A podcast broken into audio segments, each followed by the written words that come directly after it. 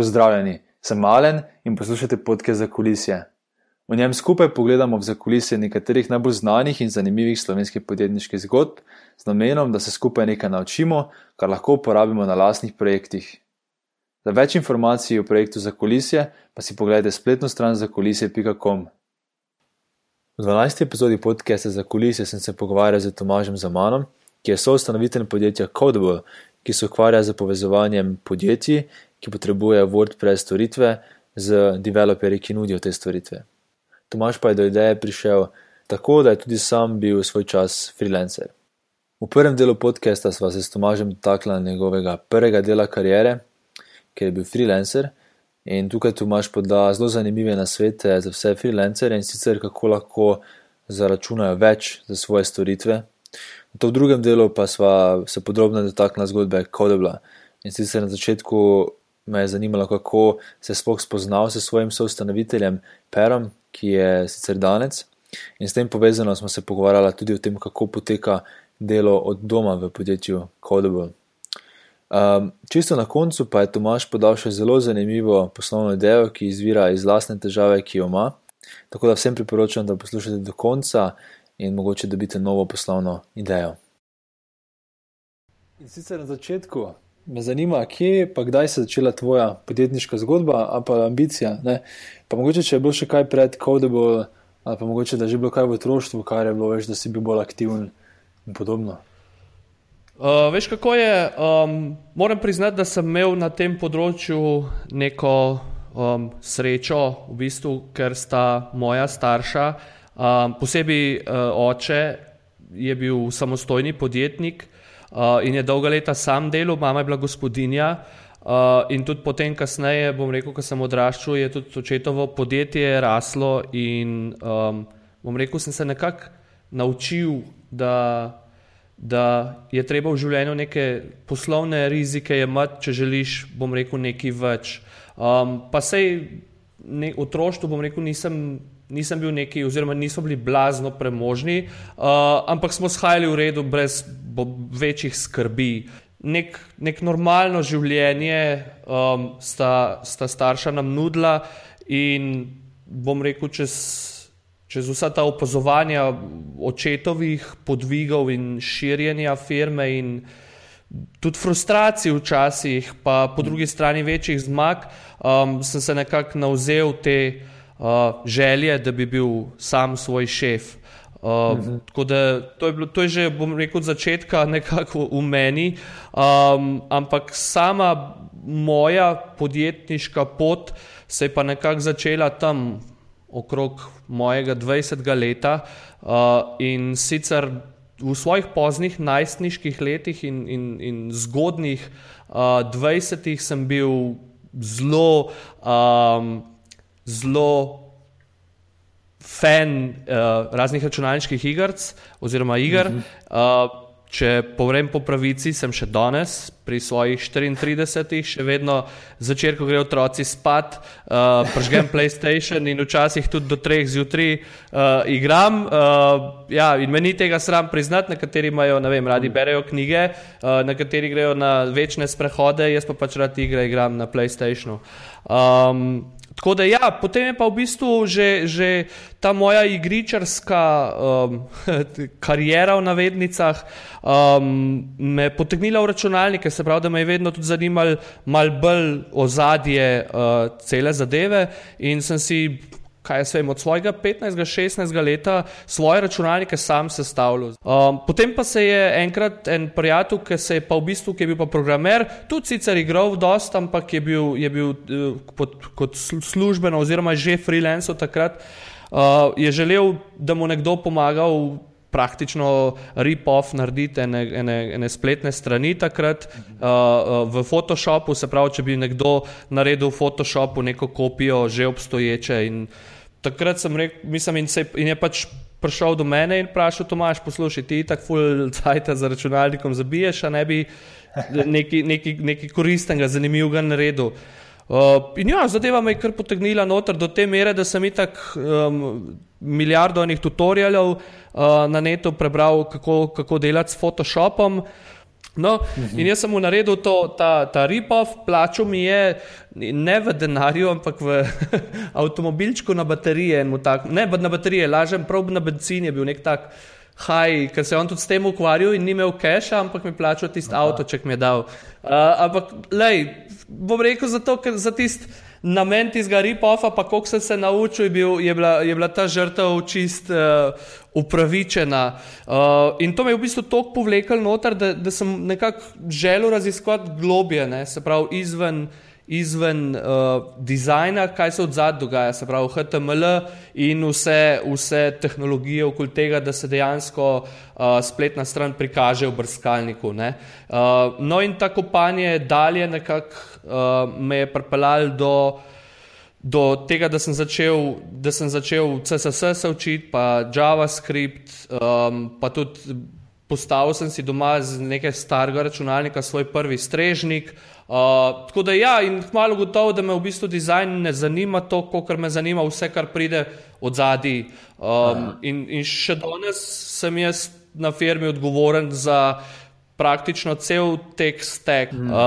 Uh, Da, ja, če se pa vrnemo nazaj na zgodbo no, uh, in po svoj, tem svojem uh, kopanju v, v globje, v, v zajčjo luknjo, sem se pri, pri, uh, približal, takrat sem že na faks hodil in sem se približal mojemu uh, um, profesorju za, um, kaj bi že in za informatiko, In uh, sem ga vprašal, oziroma sem vedel, da na faksu študiral sem lesarstvo, sicer, da imajo zelo, zelo um, slabo, oziroma outdated spletno stran. V bistvu so takrat še unaj klasične HTML um, file nalagali prek FTP strežnika, ne, se pravi, nobenega sistema za nadzor vsebine, nič. Uh, no, in potem sem rekel, da jaz bi vam naredil uh, spletno stran. Uh, malo se bom naučil, nisem nek profi, čeprav mislim, nisem tako rekel, ker sem bil zelo samozavesten, glede na svoje tri mesece prakse. Uh, in, ampak na srečo je bil za, uh, je rekel v redu, potem za plačilo sva se zmenila, to je bil tudi en tak huge win za me, bom rekel, ker, je, ker, se, ker so se zmenila, da mi v zameno, da jim prenovim celotno spletno stran in jo postavim na sistemu za nadzor vsebin, uh, z profesionalnim dizajnom, uh, responsive sicer še ni bila, ker takrat uh, tega je kaj 13-14 let, responsive še ni, bila, uh, ni, bil to, kak, ni bil sploh še aktualen. Uh, no, in so se zmenili, da mi plačajo z um, novim MacBook Projem 17-inčnim. Uh, in se ga takrat. Zmaga, ja, in se ga takrat po pol leta tudi dobil. In to je bilo, mislim, moj ego je bil čez, čez mislim, ne znam, ne znam, ni, be, ni besed sreče, ki sem jo doživel ob tem, ko sem dobil tistega MacBook Proja 17 inč, to je bil v bistvu letnik 2007. Uh, Čakaj, je bil letnik 20, ja, letnik 2007 je bil, mislim, da. In to je bilo takrat, ja, mašina, v glavnem, ne. Ja. Tak, dober dosežek. No. Mhm. Uh, ja, in tako, potem sem. Potem, če gremo v bistvu naprej po času, um, se pa začne v bistvu ta zgodba uh, uh, um, z, z Codablem, kamor bo verjetno še prišla. In yeah. Ja. sicer, uh, kaj, se, kaj se je zgodilo, da sem, da sem uh, si najdel službo celo začasno. In sicer, uh, ja, žena je zanosila, dobila sva dvojčke. In uh, ja, imela sva stanovanjski problem, ker sva prej skupaj živela v eni um, manjši hišici v Šmartnem pri Litiji. V bistvu je bila ta hišica od mojega očeta in je bila mišljena kot, kot neka uh, glorified uh, drvarnica, bolj kot pa kakšno pravo uh, stanovanje. Sicer sem jaz kot mali odraščal tam, ker sta uh, oče pa mama bom rekel, zelo brok bila na začetku, ko smo bili mi mehni in sta mogla ogromno truda vložiti, ampak tako, ne vem, vsega skupaj 35 kvadratov, velika zadeva.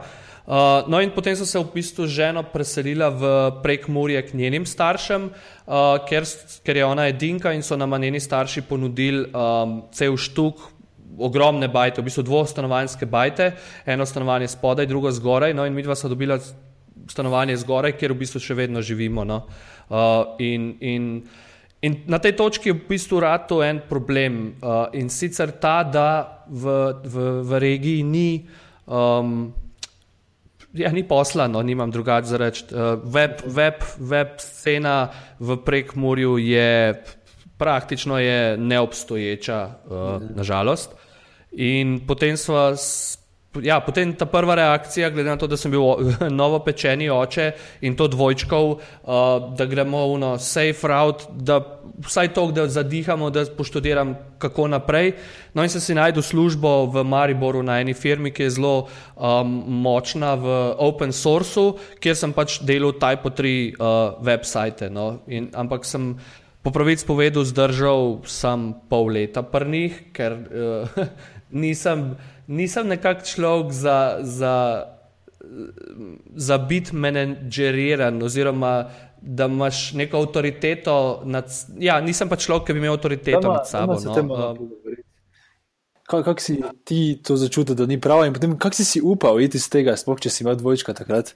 Uh, ja, v bistvu je bilo tako. No, uh, mislim, kako sem začutil. Ja, Težko je, jaz sem zmeri, se pravi, uh, ta čas, dopreden sem dobil otroke, sem bil že freelancer, uh, in, in, ampak sem bil zelo omejen uh, geografsko gledano na Ljubljano, da sem bil večinoma on-site pri strankah. Mhm. In, in nisem bil navajen, sploh vedel nisem, da, da je remote uh, delo možno.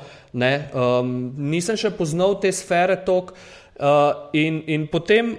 In potem, ko sem se preselil, sem se preselil sem v Prekmurje, so se, to, se je to pretrgali. Ampak jaz sem si še vedno želel biti freelancer, ampak enostavno nisem, manjkalo mi je znanja in izkušenj, da bi mhm. freelancal, uh, da bi freelancal tukaj, oziroma tudi nisem niti vedel, da obstaja remote freelancing, oziroma nisem ga poznal tako dobro. Um, zdaj pa da ti odgovorim, kako, kako veš.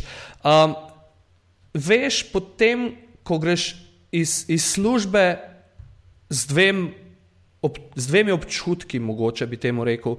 En občutek je ta, da, da, da, si, da si zvezan na nek način, ampak ne tam na stolu fizično, ampak zvezan v svojih idejah, zvezan v svoji zmožnosti raziskovanja, zvezan v možnosti uh, osebne rasti, uh, zmožnosti uh, raziskovanja nekih novih mogoče čist drugačnih področji. Ne? Jaz kot zaposlen sem bil, tam, sem bil tam odgovoren za to, da delam s TypeO3, da pišem, pač TypeO3 ima svoj, nek svoj language, ki se imenuje TypeOScript in da sem pisal tisti TypeOScript day in day out. Se pravi, ta, ta constant repetition je tisto, je tisto spoznanje neke zvezanosti, ker delaš, vem, en teden te zadeve, pa je lahko ena stranka, recimo pa delaš drug teden te zadeve za drugo stranko, ampak so še vedno je tako overlapa 95%. Ne? In to te, to te žre na noter, to te ubija na nek način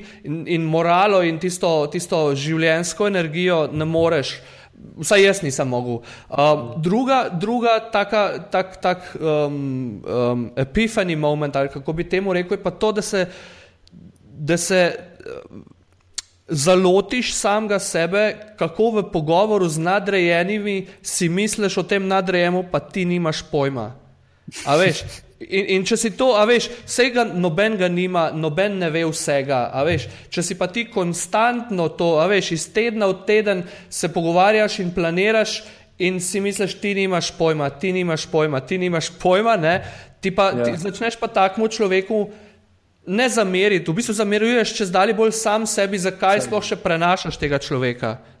In, in potem na eni točki odrežeš. No, in, jaz sicer, in jaz sem potem v bistvu odrezal tako, da sem, jaz, da sem najdel ta uh, e-lens, se je takrat imenoval, danes se imenujejo Upwork in to je v bistvu online outsourcing service za karkoli, rabeš, ne vem, legal, accounting, programming, design, copywriting, praktično karkoli. Vprosti, kam malo angliščino uporabljam, ker Za kakšne stvari tudi sploh ne vem slovenskih Ej, izrazov. Uh, tako, da, uh, ja, in tako da tam lahko karkoli najdeš. Uh, no, in sem tam res najdel uh, um, pač stranke, ampak sem je bil kar stragl, no, po pravici povedano, zaradi tega, ker ima uh, eno rak rano, imajo večina teh, večina teh, uh, um, teh portalov oziroma servisov, ima eno rak rano in to je, mislim, to je njihov poslovni model, ki je do neke mere tudi membership-based, ne? kar pomeni, da, da, da freelanceri, ki se prijavljajo za delo, Na teh portalih morajo plačevati članarino. Ne? Se pravi, njim je v interesu, da jih imajo čim več, ker iz članarine ful potegnejo. Um, ja, ja. Ampak problem, ki ga pa prenese, je pa to, da je konkurenca ogromna in š, kar je pa še hujše, je pa konkurenca ogromna z progr strani programerjev iz manj razvitih držav, ala recimo Indija, Pakistan. Ne? In zdaj, recimo, prišel je projekt Type 3 noter. Kako za božjo voljo ne jaz tekmujem z nekom, ki postavi ceno 4 dolarje na uro? Ne morem, je ni matematike. Veš, kaj me še zanima najprej? Ti si začel to od e-lens, pa te stvari, to si se prijavil že preden si. Torej, veš, si že preden si službo pustil, malo si začel pripravljati zadeve, ali si pustil, potem pa ja, si začel ja, s tem ukvarjati? Ja. Ja, sem, sem se že, oziroma to je bil tisti tist tipping point, je bil ta, da sem si najdel par strank. No, prvo, da ti povem eh, prejšnjo misel, da zaključim.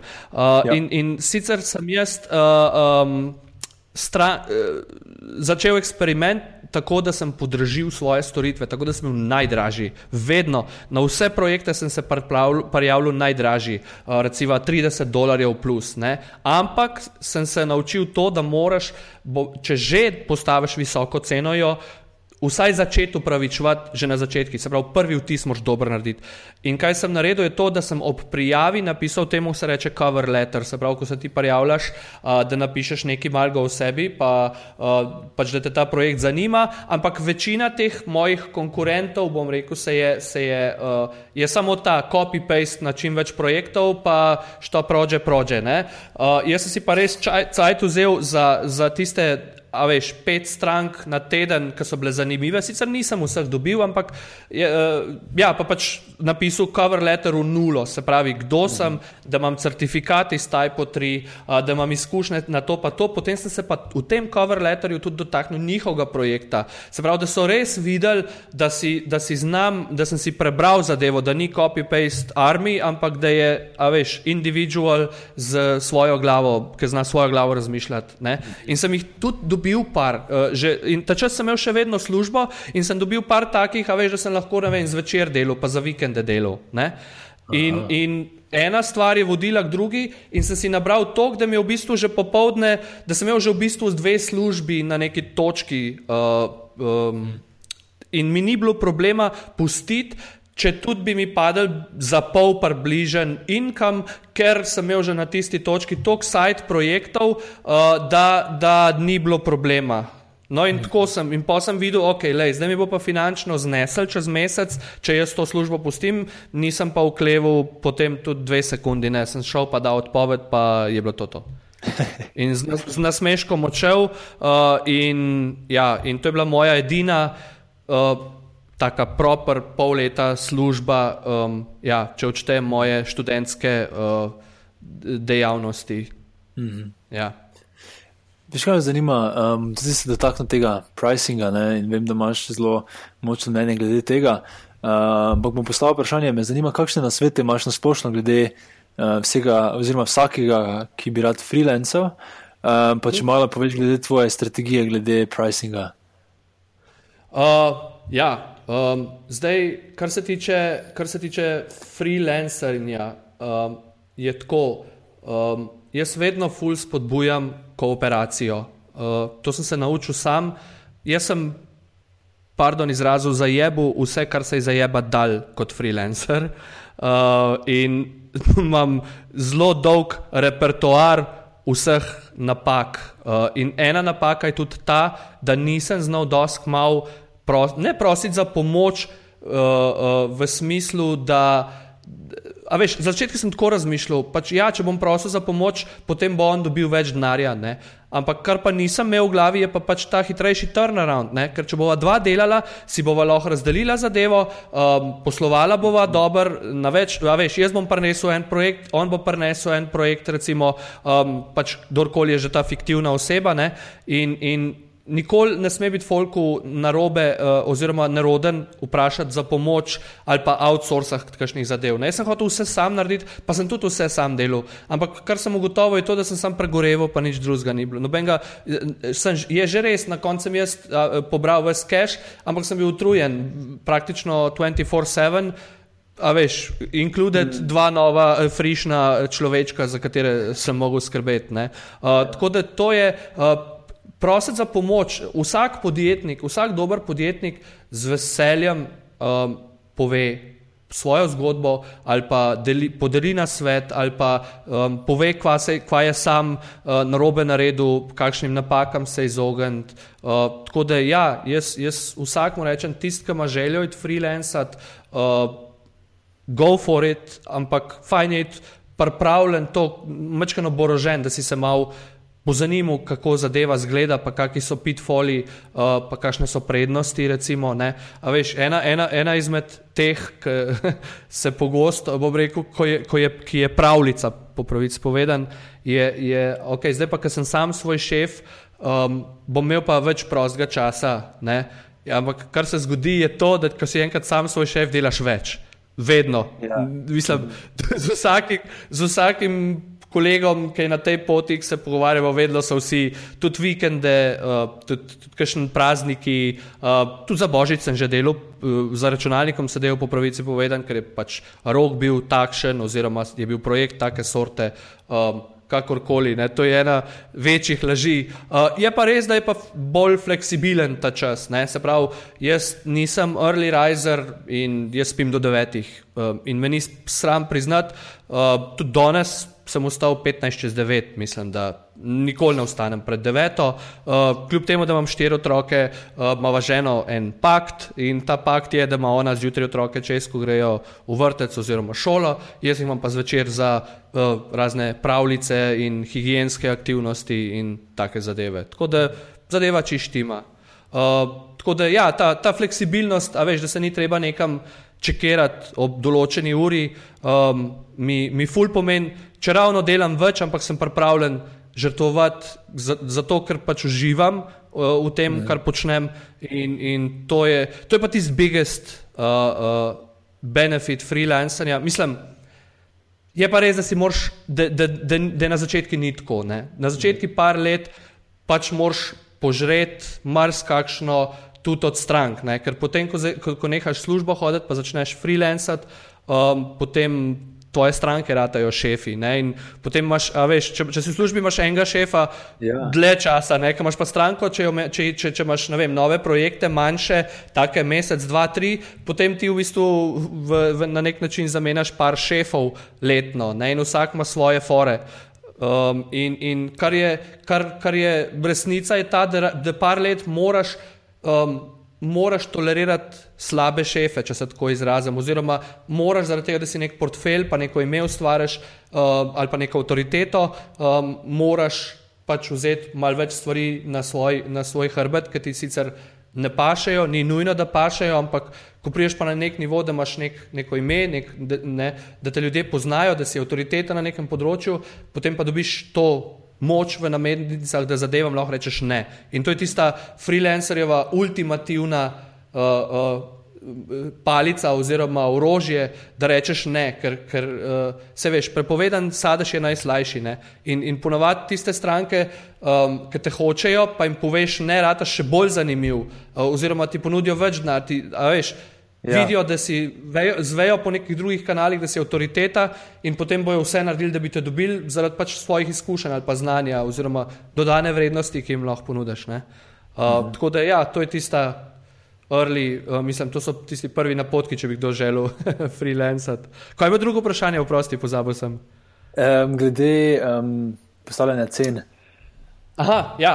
Uh, Ja, tukaj, tukaj bom rekel, vam pa je zelo, zelo, zelo nočno mnenje. Uh, in sicer, da smo kompletno cela regija bistveno, bistveno prepoceni uh, za znanje, ki, ki ga imamo, in, in tudi bistveno, bistveno preponižni uh, z oglaševanjem, oziroma ja, z oglaševanjem tega znanja. Uh, Jaz poznam ogromno dobrih developerjev, ki praktično životarijo, pa pregorevajo. Tudi sam sem bil en takih svoje čase, po pravici povedano. Um, in, in sicer sem zaradi tega, ker, ker, ker, ker imamo ta um, v, v naši v strokovni sreni, se temu reče impostor sindrom. Uh, se pravi, neko, neko, nekega hudička na, na levi rami, ki ti pravi, da si tega nisi zaslužil, da si prišel do te točke uh, avtoritete po nesreči, po naključju. Uh, ampak To ni res. Večina nas, oziroma lahko rečemo vsi, smo prišli do te točke avtoritete z preklemano, preklemano veliko, veliko trdega dela, uh, odrekanja, um, žrtvovanja, um, dolgih, dolgih ur v literaturi ali pa pač v mojem primeru pred računalnikom, pisanjem kode, programiranja, učenja. Uh, Skratka, in, in, in jaz mislim, um, recimo, sploh, ker, ker um, naša firma ima pretežno ameriške stranke, njim je, ne vem, 80 dolarjev urna postavka med, med cenejšimi, med cenejšimi. In, in kar je v, pri nas, uh, v, v naši branži, je to, da, da, da je vsa, vsa teorija, vse je na internetu, pač ker smo spletni ljudje na nek način. Ne? Se pravi, se, ti, mi smo se sami naučili, v Sloveniji ni šole, ki te uči, kako na spletu dela. Dobro, je pač free, pa ferry, ampak tam te učijo hardcore, ne učijo pa um, ne vem. Kot je zanč um, Mitja Mausar na tem tvojem intervjuju povedal, ne, UX šole ni. Isto, isto mhm. ni šole, šole za splet, se pravi, če, kakšen medij je splet. Mislim, so neki tečaji, ne, ampak da bi bila prav šola fokusirana, ker je znanje za, za, za poganjati neko spletno stran, oziroma za biti webmaster oziroma founder, karkoli. Je, je, je zelo, zelo multidisciplinarno ne? in tega ni. In mi smo se sami naučili, in mi, mi smo strokovnjaki. In zakaj potem neki, neki ameriški kolegi naši, ki imajo toliko znanja, ki mi ali pa celo manj, z lahkoto prodajajo svoje ure 80-100 na uro. Z lahkoto. In, in, in, in kar bi mi, programeri, se mi zdi, da imamo celo na, na nek način dolžnost v, v, v Sloveniji in Evropi, je ta, da se ozremo izven meja uh, Slovenije v tujino, uh, da delamo s tujimi strankami, se pravi, če je to možno, se, če moraš biti fizično prisoten, potem je zadeva malo težja. Ampak v veliki, primerov, v veliki večini primerov se da dokazati, da fizična prisotnost uh, ni potrebna, ne? da se da z sodobnimi tehnologijami vse zmeniti po žici. Ne? In zaradi tega jaz veliko programerjev, ki životarijo v, v teh koncih uh, uh, ali pa pač kjerkoli po Sloveniji ali pa celo širše, povem, pa dejte začeti prodajati v tujino. Ne, ne vem, ameriški stranki je čisto vse, ne vem, če je nekdo v Ameriki stranka na, na, na zahodni obali, uh, um, izvajalec pa na vzhodni, ja, veš, da je stranki po veliki večini vseeno, če ni na vzhodni obali, ampak je v Evropi, ker je čisto vse, ker se fizično itak ne bosta srečala.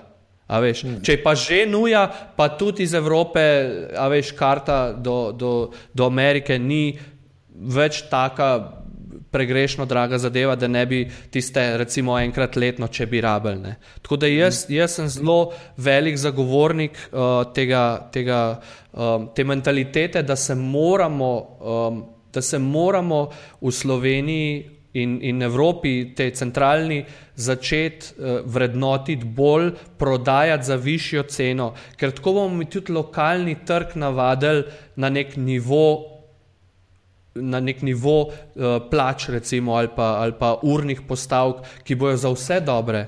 Ne, ne da smo, se veš, uh, kako že vrana vrani izključujoči, ali ne vem, je to primerno za tle ta stavek. Ampak ja, to, to, to je kar moj tak uh, trn v peti, ki ga želim vendati in čim več ljudem razložiti.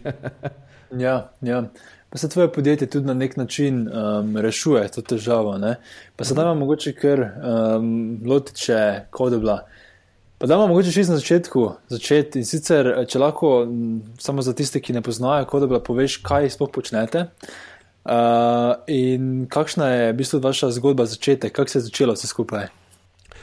Ja, um, Codable je v osnovi, uh, se pravi, poslovni model je two-sided marketplace, oziroma ne vem, to sploh slovenski izraz, uh, dvostranska tržnica. Mislim, da ni v redu. Ne, ne bomo kar reči two-sided marketplace. V glavnem, um, ja, pomeni, da imamo stranke iz dveh zelo različnih tipov uh, ljudi, da je tako reči na začetku. Se pravi, uh, na eni strani naročnike in na drugi strani izvajalce. Um, zdaj poslušalci bojo najverjetneje, um, uh, najverjetneje poznajo veliko podobnih.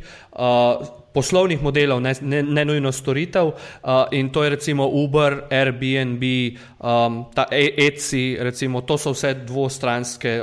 Ja, dvostranske platforme.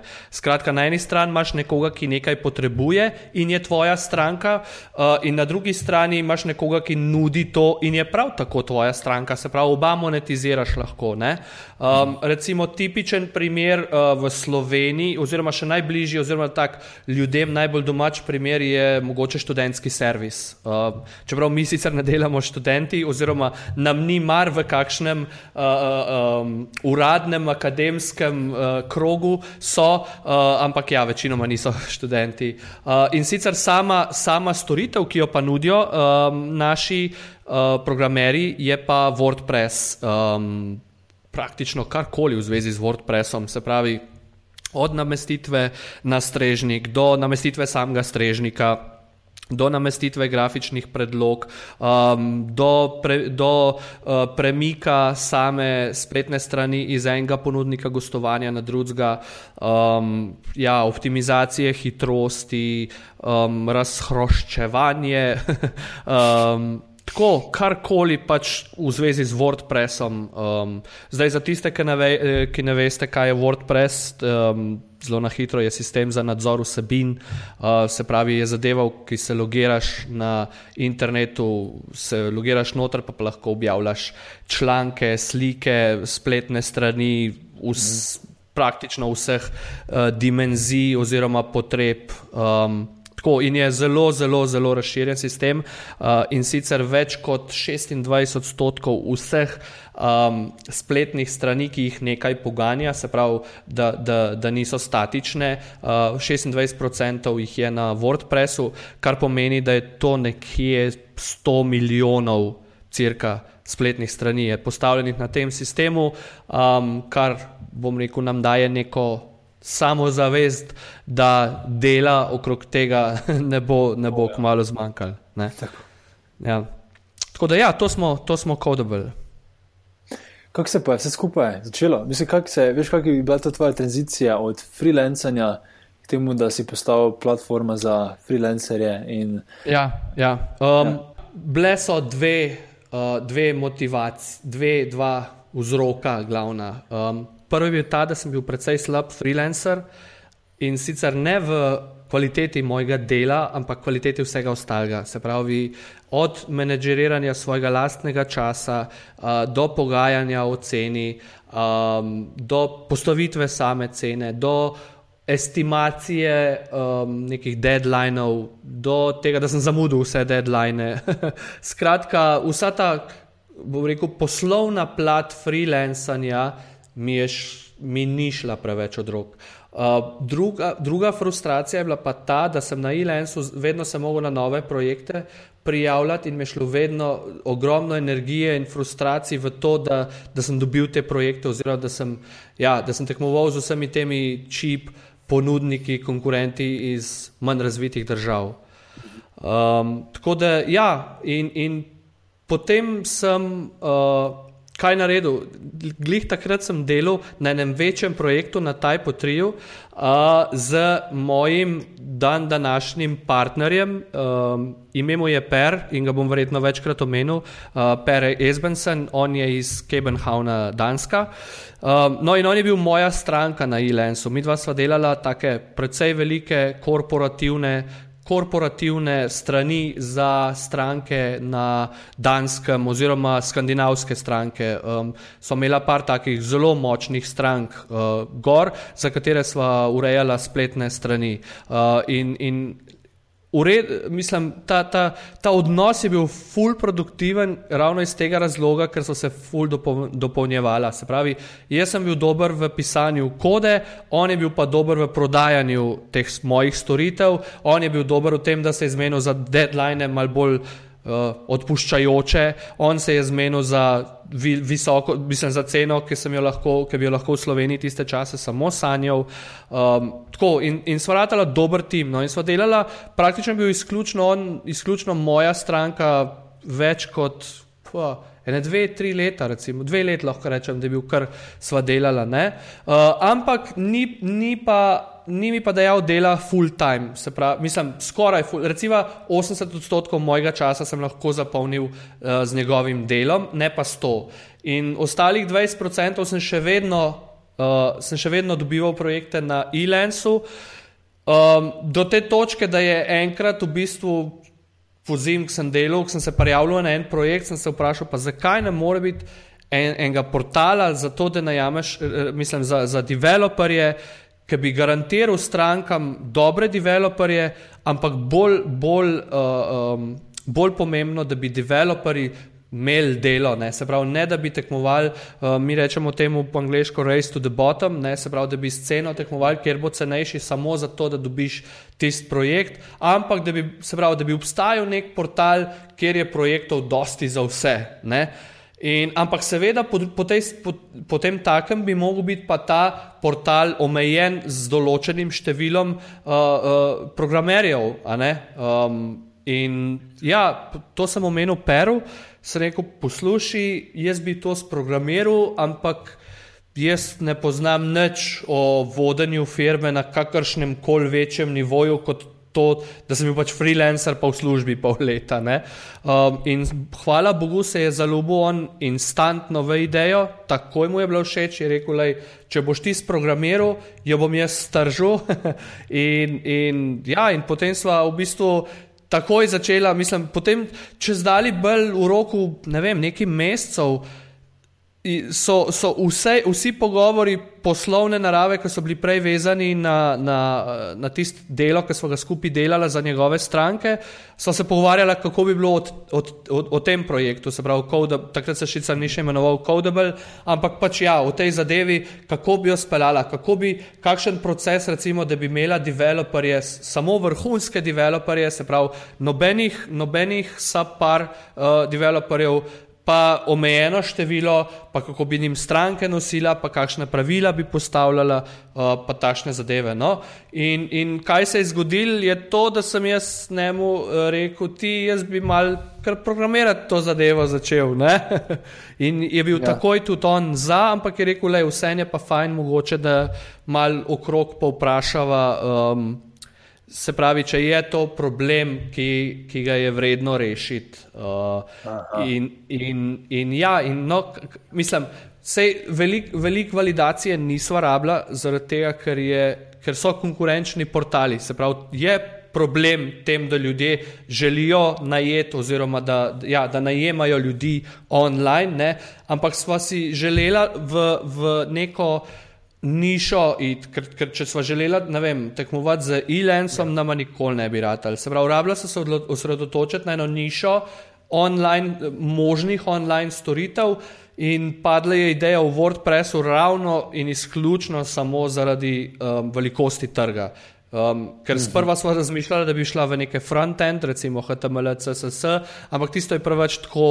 Um, Ja, premalo definirano je. No. WordPress je pa zelo definiran, uh, tudi community je zelo definiran, tudi storitve so zelo definirane, plugini, teme, um, plug, ja, plugini, vse skupaj je zelo dobro definiran. No, in smo se odločili, da bomo šli v WordPress. In kva smo naredili? V bistvu sem šel jaz vprašati praktično ne, skoraj number one človeka uh, takrat v WordPress sceni, ki ni bil del samega avtomatika, to je firma, ki, ki stoji za mhm. WordPressom. Ne? In to je bil takrat um, temu gospodu, uh, je ime Adi in je iz Južne Afrike.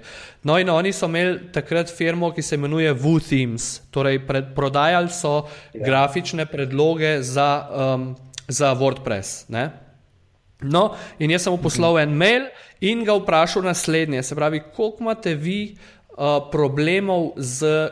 z niti ne vem slovenskim, aha, prilagoditvami eh, spletnih strani. Se pravi, oni prodajajo, v bistvu štancajo, če se tako izrazim, predloge, ne? ampak to predlogo eno naredijo in potem to predlogo kup 10 tisoč strank, recimo, ne? in potem je 10 tisoč spletnih strani istih, kar pa ni večji problem, ker dva sosedajo ne kupita, ne? ampak se po celem svetu, bom rekel, porazdeli, tako da ni večje problema, pa zelo celovno ugodno, ker je ena predloga, ne vem, če ti plačaš dizajnerja, te pride, ne vem, eh, za eno osnovno spletno stran lahko 2-3 jurje, medtem ko tema že narejena, zdizajnirana, profesionalna, je pa 50 evrov. Recimo, No, in ta Adi, uh, uh, ki sem ga kontaktiral, prvič ni bilo odgovora, drugič ni bilo odgovora, no, probo sem po ne treh mesecih še ta tretjič. In sicer z vprašanjem, koliko imajo oni problemov, se pravi, koliko se stranke obračajo na njih z željo, da bi jim oni kot avtori teh, spleh, teh grafičnih predlog jo tudi integrirali na stran, kar pa oni ne počnejo, ne? ker to ni njihov poslovni model in je v bistvu zelo zamudno. No in, in potem je res odgovoril. In je rekel, ja, mi imamo uh, ogromno tega in imamo full problem in imamo dejansko ljudi zaposlene, ki na nek način iščejo in potem sodelujemo z raznimi zunanjimi izvajalci. Ne? No, in potem se je debata začela in sem ga vprašal, če bi ga zanimalo, da bi obstajal nek servis, kjer bi, imel, kjer bi skrbel v bistvu samo za to, da so developeri znotraj tega servisa pre, prej preverjeni, uh, se pravi, so vsi vrhunski in potem na en in isti servis pošiljaš vse zahtevke. In je rekel, ja, sliši se zanimivo, gor dol. Um, in se rekel, lej, a bi, a bi vam. Um, um, bilo zanimiva ideja, da bi vi to nam pošiljali. Ne? Je rekel, ja, vsekakor, ampak kaj pa, mi, kaj pa mi dobimo v zameno? Uh, no, in, ja, itak, ne. uh, in ker nismo imeli česa, raz, takrat smo imeli praktično tudi firma, še ni bila ustanovljena. No, uh, se rekel, poglej, bomo mi ustanovili firmo, vi dobite lahko nek delež te firme, ker nimam ti česar drugega ponuditi. Oni so imeli pa že takrat, ne vem, 300 tisoč strank, a veš, in to je, zl... v bistvu so bili največji, no, in, in to, da, se, da mi je že v tretje odgovoril, se mi zdel, v bistvu še danes velika čast in, in ja, ja. Ni, lahko bi rekel sreča, ampak mislim, da ni sreča, ker če probaš, pa probaš, pa probaš enkrat le rata, ne, mislim, če, če ni to. Blef, kot... mail, ja, na blef, na blef. Na blef, čisto. Kje si pa mail našel? Ja, vse sem na, na netu, vse imel, mislim, se, a veš, če se malo znajdeš, od vsakega lahko na netu ja. mail najdeš.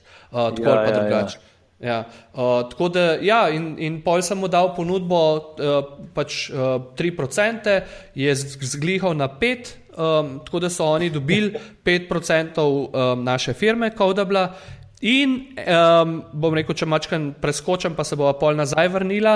Um, lani je Automatic, se pravi matična firma, ki je lastnik mhm. -huh. WordPressa, so kupili WooTeams. So jih kupili, kar pomeni, da je Automatic, se pravi firma, ki stoji za WordPressom, danes 5% lastnica Codable. Ja.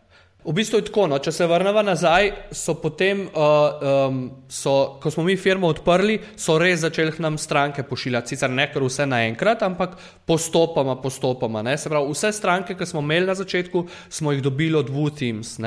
Ampak potem, ko so, oni, so se oni začeli, um, zato so jih tudi avtomati kupili, uh, specializirati v WooCommerce in so se tudi preimenovali, zdaj se imenujejo WooCommerce. In to je en utičnik oziroma plugin za WordPress, ki ljudem omogoča, da um, postavijo spletno trgovino znotraj svojega WordPress sistema na rekel, relativno lahek način. Uh, in zato so jih acquirali um, Automatic. Uh, naška, za nas to praktično ne pomeni uh, nič. Pardon, uh, ne pomeni nič, mi še vedno od njih dobimo um, neko, nek standarden nivo, uh, uh, neko standardno številko oziroma neko klasično številko uporabnikov vsak mesec. Uh, je pa res, da mogoče čez dalje manj, ker ne delajo več toliko predlog, ampak so se osredotočili na e-commerce.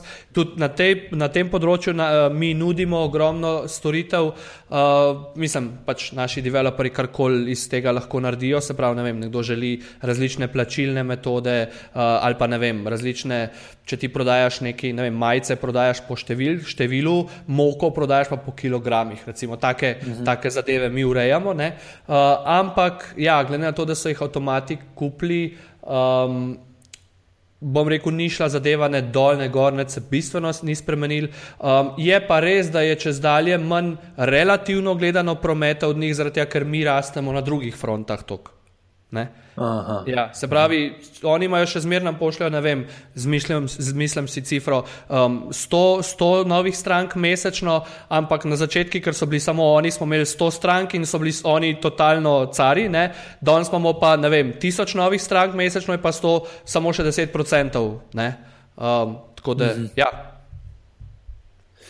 Je prej si omenil, da ste v bistvu platforma, oziroma tu side market. Mhm. In pri takšnih ideja, ne, je pomembno. V bistvu, v bistvu imaš to težavo, kure in jajca. Ne? In -huh. me zanima, mislim, če na eni strani nimaš izvajalcev, ne vem, stranke ne pridejo in obratno, kako ste vi to rešili? Pa mogoče, ja, pa potem kakšen svet imaš za koga drugega, ki bi probal narediti podobno idejo? Um, ja, v bistvu, kaj smo naredili? Ne? Se pravi, ni čist, je na nek način kurajni jajce, ampak ne na začetku. Na začetku je bilo dejansko lažje. Um, zakaj? Ker so en hack um, naredila, uh, oziroma se ga je Per spomnil, enega full dobrega hacka. In kaj so naredila? Šla sva na konkurenčni portal in objavila projekt, zelo zahteven projekt, fiktiven, zelo zahteven projekt. Uh, za WordPress programerje. Ne? In smo si izmislili na vsega, a veš, ono, full kompleksnosti, full različnih uh, dejavnosti, ki jih bo ta projekt um, uh, potreboval, in potem smo dobila, bom rekel, sto prijav za ta projekt. In izmed teh stotih prijav smo šla ena pa po ena čez ljudi, ki so se prijavili, in smo jih izluščila ven, recimo, deset, um, ne vem točne cifre, ampak bolj park je kar pravilen. Uh, se pravi, smo imeli deset ljudi ki so bili, vrh, ki so bili po, ki so na, nek, na tak ali drugačen vtis, uh, uh, na tak drugačen način naredili vtis na naju, sva jih kontaktirala in sva jim povedala, zakaj se gre. Se pravi, povedala sva, poslušajte, mi dva postavljava um, en, en, en projekt, en portal, podoben temule, ampak želiva imeti na njemu samo in izključno na roke preverjene programerje, ki so res vrhunski. Ali vas zanima? Itak, da so vsi rekli, ja, zaradi tega, ker so imeli vsi isti problem, da morajo tekmovati med seboj, da veš, tok na hard. In kar se je naredil, je, je to, da smo imeli deset ljudi uh, in tudi aplikacijo, tiste MVP je bil good enough, da je že združevala, uh, se pravi, uh, stranke in, in developerje lahko. Um, smo, ne, takrat, v bistvu na začetku, še glih malo potem smo tudi rezali prvo rundo, no, ampak se bomo vrnili k tem še. Uh, skratka, in oni so bili v pripravljenosti. In ko smo mi launchali, da smo imeli firmo postavljeno, in, in tukaj je bil pred, predvsem še največji obstakel plačilni sistemi. No. To je najbolj rizično, denar, sploh, sploh če je dvo, dvostransko, ne, se pravi, da ti ne dobivaš denarja, da ga ti ne pobiraš za lastno storitev, ampak za storitev nekoga drugega, je to v očeh bank, ki ponujajo, ne vem, Mastercard. Uh, pa viza je to kar rizična zadeva. No? Tako da to je kar težko, tako da to je malo več, mal več uh, dela, bilo, ampak to je imel perčes, ker jaz. Ja, za, sem rekel, mislim, on je pač za te stvari, jaz pa sem programer. no, in um, v bistvu se nam je takrat pridružil še en kolega, moj Matjaš, ki je bil v isti službi kot jaz, tam sem ga spoznal, pa mu tudi ni bilo tam za delati. Uh, no, in se nam je pridružil uh, in je z mano postavil tisto, ta MVP, uh, ki pa je bil good enough. Se pravi, ko smo, ko smo mi postavili firmo, plačilni sistem implementirali, smo launchali, to je bilo 7. januarja, 4 leta nazaj, se pravi 2013. Um, sem, poslal mes, sem tudi poslal um, e-mail Adiju, ker takrat smo imeli pa tudi že pogodbo podpisano, ker, ker smo firmo ustanovili, rabo tudi podpisati in smo bili v, bom rekel, pogovorih uh, in v stalnem kontaktu in so začeli stranke pošiljati. Tako da mi smo v bistvu ta drug dan že dobili prvi, zaslužili prvi dolar. Uh, sicer ne vem, prvi dan smo zaslužili nekih 14 dolarjev in smo bili čist ferti kot sreča zaradi tistih 14 dolarjev. Um, ampak ja, no, potem je šlo pa. Potem je šlo pa sam še na vzgor. Ja, no, kar sem hotel reči, je to. Uh, in, in ko smo dobivali prve stranke, smo v bistvu na roke mail poslali tem programerjem, ki so se sicer registrirali v naš sistem, niso bili pa noter, pa čakali. Ne? Ampak smo jim na mail, poslušaj, projekt je prišel noter, da bi tole, ja, ja, ne. In, in, in, ena, in, in potem je bila recimo stranka zadovoljna z storitvijo in je povedala drugi stranki, in jo je pripeljala. Na drugi strani je bil pa isti efekt, oziroma še močnejši efekt. Uh, in sicer ta, da je programer povedal petim prijateljem, da dela na nekem ekskluzivnem uh, uh workplaceu, ki sprejema samo dobre in dejansko ne rabi tekmovati. In to, ta policy imamo še danes. In to je v bistvu naš, na nek način naš največji izziv bil vedno in vedno bo, in tudi naš največji win oziroma zmaga. In to je, da mi vedno, da, da vse čas umetno uh, vzpostavljamo um, ponu nivo ponudbe in povpraševanja umetno izravnavamo. Uh, Zdaj, ko smo že točni, da imamo vem, 25 tisoč strank, je to ratal zelo lahko iz vidika uh, programerjev, zaradi tega, ker imamo vsaki, v vsakem trenutku je naša čakalna vrsta dolga. 400-500 programerjev čaka, pa imamo intervjuje, pa jih počasi spuščamo noter. Se pravi, imamo v firmi neke, neke uh, KPI-je oziroma neke indikatorje, ki nam pokažejo, kdaj se povpraševanje toliko poveča, uh, bom rekel za odstotek mogoče, da moramo en odstotek povečati um, um, število programerjev. Seveda ni na odstotke, ne, mal je tudi, mal ti podatki kažejo, mal je pa tudi gut feelinga smo že tudi razvili v teh štirih letih, da tudi po občutku vabiš noter, ali pa včasih, recimo, pred določenimi trendi se tudi sami aktiviramo, pa ne gledamo cifr, recimo, ne vem, novo leto. Se pravi, pred novim letom, decembri so slabi performančno, ker so prazniki, pa folk ne dela tu, januari so pa full močni, zaradi tega, ker vsi not prnašajo.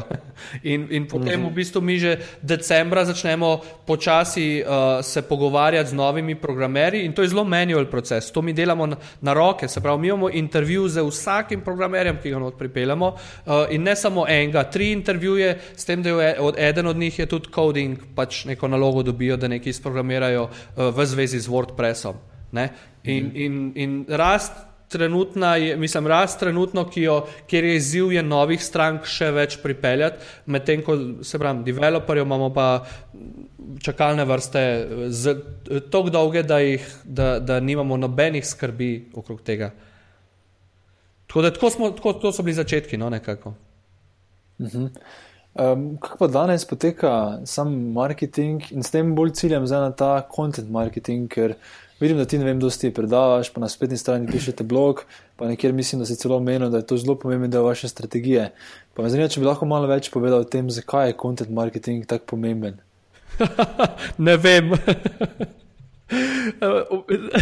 Veš kaj? Um, Po pravici rečeno, um, se, se še učimo. Mi smo glih, zdaj le z januarjem, najeli enega gospoda iz Anglije, ki je že dva sta, startupa za seboj, da nam pomaga uh, osmisliti marketing. Um, in, in sicer z vidika številk. Mi ne, ne, le, ne znamo, se učimo, zdaj, mislim, zdaj so že neki prvi rezultati. Uh, ampak enostavno ne znamo uh, meriti uspešnosti teh zadev. Se pravi, jaz vem, da je content marketing uh, uh, pomemben, jaz vem, da bloge pi moram pisati, uh, da, da, da, da to prinese nek delež. Ne, ne vem pa, koliko in na kakšen način. Recimo, konkreten primer. Jaz napišem blog post, zdaj pa, a bo ta človek, recimo, je najdel ta blog post na Facebook strani, ki jo je prijatelj delil. Ne? Zdaj pa aj njega prepričali to, da je na blog postu lepa slika, recimo, pa je kliknil gor, pa je prebral slučajno, ali pa ni prebral, pa mu je bil sajt všeč, pa je nas, pa je pač postal naša stranka, ali je zato, ker je prijatelj njegov šerov postal naša stranka, ali mu je bila vsebina blog posta všeč, pa je zato postal naša stranka. Se pravi, to je enih umestnih korakov, ki se zgodijo. Ali pa recimo, ne vem, sem človeka srečal na konferenci, pa sem mu dal vizitko, pa je videl, pol, pa je pol pozabil, pa je pol blog post videl na Facebooku. A veš, to je enih zadev, ja. to je enih teh premikov, itak natančno ne moreš določiti, ne? lahko pa z nekimi utežmi določiš približno, koliko je vsak od teh korakov ali pa aktivnosti uh, doprinesla k konverziji uh, obiskovalca v stranko. Ne? In, in mhm. ja, eh, nekaj bom rekel, delam pa tudi. Uh, Kako bi temu rekel, tudi, tudi za naprej, tudi za, za, za čez življenje. Um, in sicer to je pa zavesten personal branding. Se pravi, jaz kot sam vidiš, zelo rad govorim uh, in, in rad predavam, nimam problemov z javnim nastopanjem. In, in uh, inspiracijo sem pa dobil ravno v tem gospodu uh, Adiju uh, od, od WooTeamsov, oziroma zdaj WooCommerce, oziroma zdaj ga tudi ni več zraven, so se rašli, uh, founderji. Um, in, in on je bil svoje čase. Um, zelo, zelo velika avtoriteta v WordPress svetu in na nek način moj idol. In sicer, kaj je, on je ogromno blogov In ker je ogromno blogov, je, so ga na ogromno, kot avtoriteto, uh, na ogromno uh, konferenc povabili kot speakerja. In, in Jaz vem, da so oni imeli tudi posla veliko tem in, od, od, od tega, in ogromno ljudi je bil on, on recimo, je bil sinonim za firmo. Ne? Se pravi, ni, bila, uh -huh. ni bilo neke ločnice Adi ali pa Vutims. Če si se na Vutims spomnil, je bil Adi v tvoji glavi, in če si je Adi pomislil, si na Vutims pomislil. Ne? Se pravi, in to sem se jaz zavestno odločil, da bom probil podoben narediti. Se pravi, da sem jaz Tomaž za manj, neka avtoriteta v WordPress ekosistemu in da, da, da predstavljam predstavljam Codable in da jaz vem, na kakšnih konferencah govorim o Codable in, in, in, in tudi probam nekako vendati občutek, da, da, da, da, so, da je Codable rezultat mojih eh, pogledov na svet oziroma kako naj bi uh, vezi oziroma performance freelancerjev do strank nekako izgledali. Ne? Tako da to je bilo zelo, zelo, zelo zavestna odločitev. In, tudi, in zakaj govorim tudi personal branding? Ker recimo, ne vem, če bomo Codable nekoč, um, ni nobenih kratkoročnih planov, ampak govorim hipotetično, prodali ali pa da bom padel v kakšen drug projekt, uh, karkoli se zgodi lahko. Jaz bom svoje ime obdržal in če si jaz postavim za čas, uh, za čas Codable, če si jaz postavim neko, nek personal brand, uh, Um, bo imel na kratek rok Codable nekaj od tega, ker, bo, ker, ker sem vem, vabljen v tujino, da predavam na konferencah, se pravi, tudi stranke prepoznavajo Codable preko mene in tudi potem, recimo, kot, kot sam jaz, Tomaž Zaman, bom imel neko avtoriteto naprej, se pravi, če bom, če bom postavil, uh, se pravi, govorim zelo hipotetično in nimam nobenih planov, ja. ampak uh, tako, če bi želel nov startup postaviti, bom, bom, pa, bi imel, pa bi želel spet neki, neki fundraising sejt, bi prišel, pa, o, ti si pa Tomaž za manj. A veš, se pravi, da, da, da se ti mhm. ni treba to predstavljati, ker te poznajo tisti krogi, uh, v katerih. Ja kateri te pač morajo poznati, no, tako bom rekel na nek način. Kar se tiče pa content marketinga samega, ja, je pa, je pa zdaj, jaz rad razlagam stvari uh, in, in, in stvari, ki jih jaz pišem, so zelo visoko tehnične.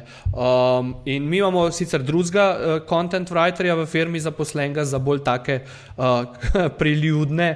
Tematike, uh, krajšega formata, medtem jaz, kadar se razpišem, če, če, če ravno vem, da ciljna publika, ni, se pravi, ta članek, ki ga bom jaz napisal, ni strogo namenjen strankam, ki bojo, ki bojo konvertirale, dam pa ven in delim to znanje, ker želim, se pravi, nek tehničen članek, kako postaviti strežnik. Ne. Tu je A veš, to ni tisoč besed, ena stran, ampak je to konkretno, konkretno več. In, in to pišem ja. pa tudi včasih za svojo dušo, da to delim. In potem tudi na kakšnih konferencah srečam ljudi, ki so prebrali te stranke. Če ravno niso naša stranka, so pa uh, word of mouth. Se pravi, ko njih vprašajo njihovi znanci, ti bi rabu, a vem za Codable web. Ne? Ampak za, problem je pa v tem, ker na nek način veš, da je to pomembno. po drugi strani je pa merjenje vsega tega skoraj, ja, mm -hmm. skoraj nemogoče. In zdaj, ja, kako, kako uh, return of investment meriti na teh zadevah, je pa v bistvu največji izziv. Se pravi, koliko si pripravljen tudi riskirati na nek način. Ne? Ja, ja, ja. Ampak zelo spodbudno, da to delate. Mislim, res, koliko tudi. Jaz, ko gledam iz tujine, tiste podjetje, s katerimi imam neko največjo čustveno vez, skoraj vse delajo content marketing in se na nek način povezan z temi founderji. Čeprav jih ne poznam, veš, ampak ko bereš te članke in to se na nek način povežeš in si toliko bolj po. Postaneš kot neki evangelist, ne, mhm. -huh. po angliško, njihovega produkta. In se mi zdi, tako si sam rekel, težko je razložiti, ampak če si enkrat doživel samo na svoji koži, tako si ti za tega Adija, ne, uh mhm. -huh. potem razumeš, da je pomembno. Tako. Ampak ko smo bili pri Adiju, pa pri WooTeams, uh, vi imate z WooTeams tudi uh, affiliate, ne? Oziroma, imate pač na celem tem kodu, imate affiliate in mrežo. Uh mhm. -huh. Zanima kakšne so iz vaše izkušnje s tem, kako se to spostavlja? Uh, po pravici povedano, smo zelo. Um, na robe k tem pristopili. Um, dobro, se smo se naučili od tega. Uh, ja, dejstvo je, da je naša afiliat mreža precej velika. Uh, veliko afiliat partnerjev imamo, ampak mogoče ne velja tukaj pravilo 80-20, ampak velja tukaj pravilo 5-95, se pravi, še bolj ekstremno. Se pravi, od stotih, od stotih afiliat partnerjev, oziroma na sto, jih mogoče pet performa. Ampak tisti pa to dobro, ne? se pravi, ostali naredijo, zaslužijo mogoče kak dolar, dolar ali pa tudi ne, um, um, ostali pa, mislim, tistih 5% pa največje uh, denarje, ne vem, mogoče par tisoč dolarjev, ker imajo tak tok prometa na strani, da polk še en banner dajo nam pa tako. Uh, na robe smo se lotili z tega vidika, ker smo v bistvu napisali svoj tracking software, s, kom, s čimer imamo vse čas težave, je napisal sem ga jaz, priznam, uh, in, in imamo težave zaradi tega, ker je v tem afiliat svetu tokenih corner caseov, da, da, da dol padeš. In vsak partner ima neke svoje eksotične želje in zadeve, in pol se rekel, ok, ne, na mestu, da bi jim rekel ne, sem rekel, ok, bomo pa postavili svoj tracking sistem, uh, ki je ja, suboptimalen. Um, Sicer je napisano v Reactu, kar me je zelo veselil, uh, ker, je, ker sem pač lahko nekaj novega probo, ker, sem, ker jaz imam tudi ta sindrom, ki ga je Mitja Mausar zanč omenil, se pravi ta ša, New Shiny Object. Uh, tako da ja, sem se lahko React naučil uh, preko programiranja tega našega internega affiliate tracking sistema, ampak ja, uh, je, kar, je kar težka zadeva. Um, kar je najtežje, oziroma, oziroma čemu smo se želeli izogniti s tem, pa se po pravici povedano nismo, je neinformiranosti. Se pravi, in to bomo popravili, ampak trenutno žal nimamo kapacitet za to. Uh, je, pa, je pa na zemljevidu.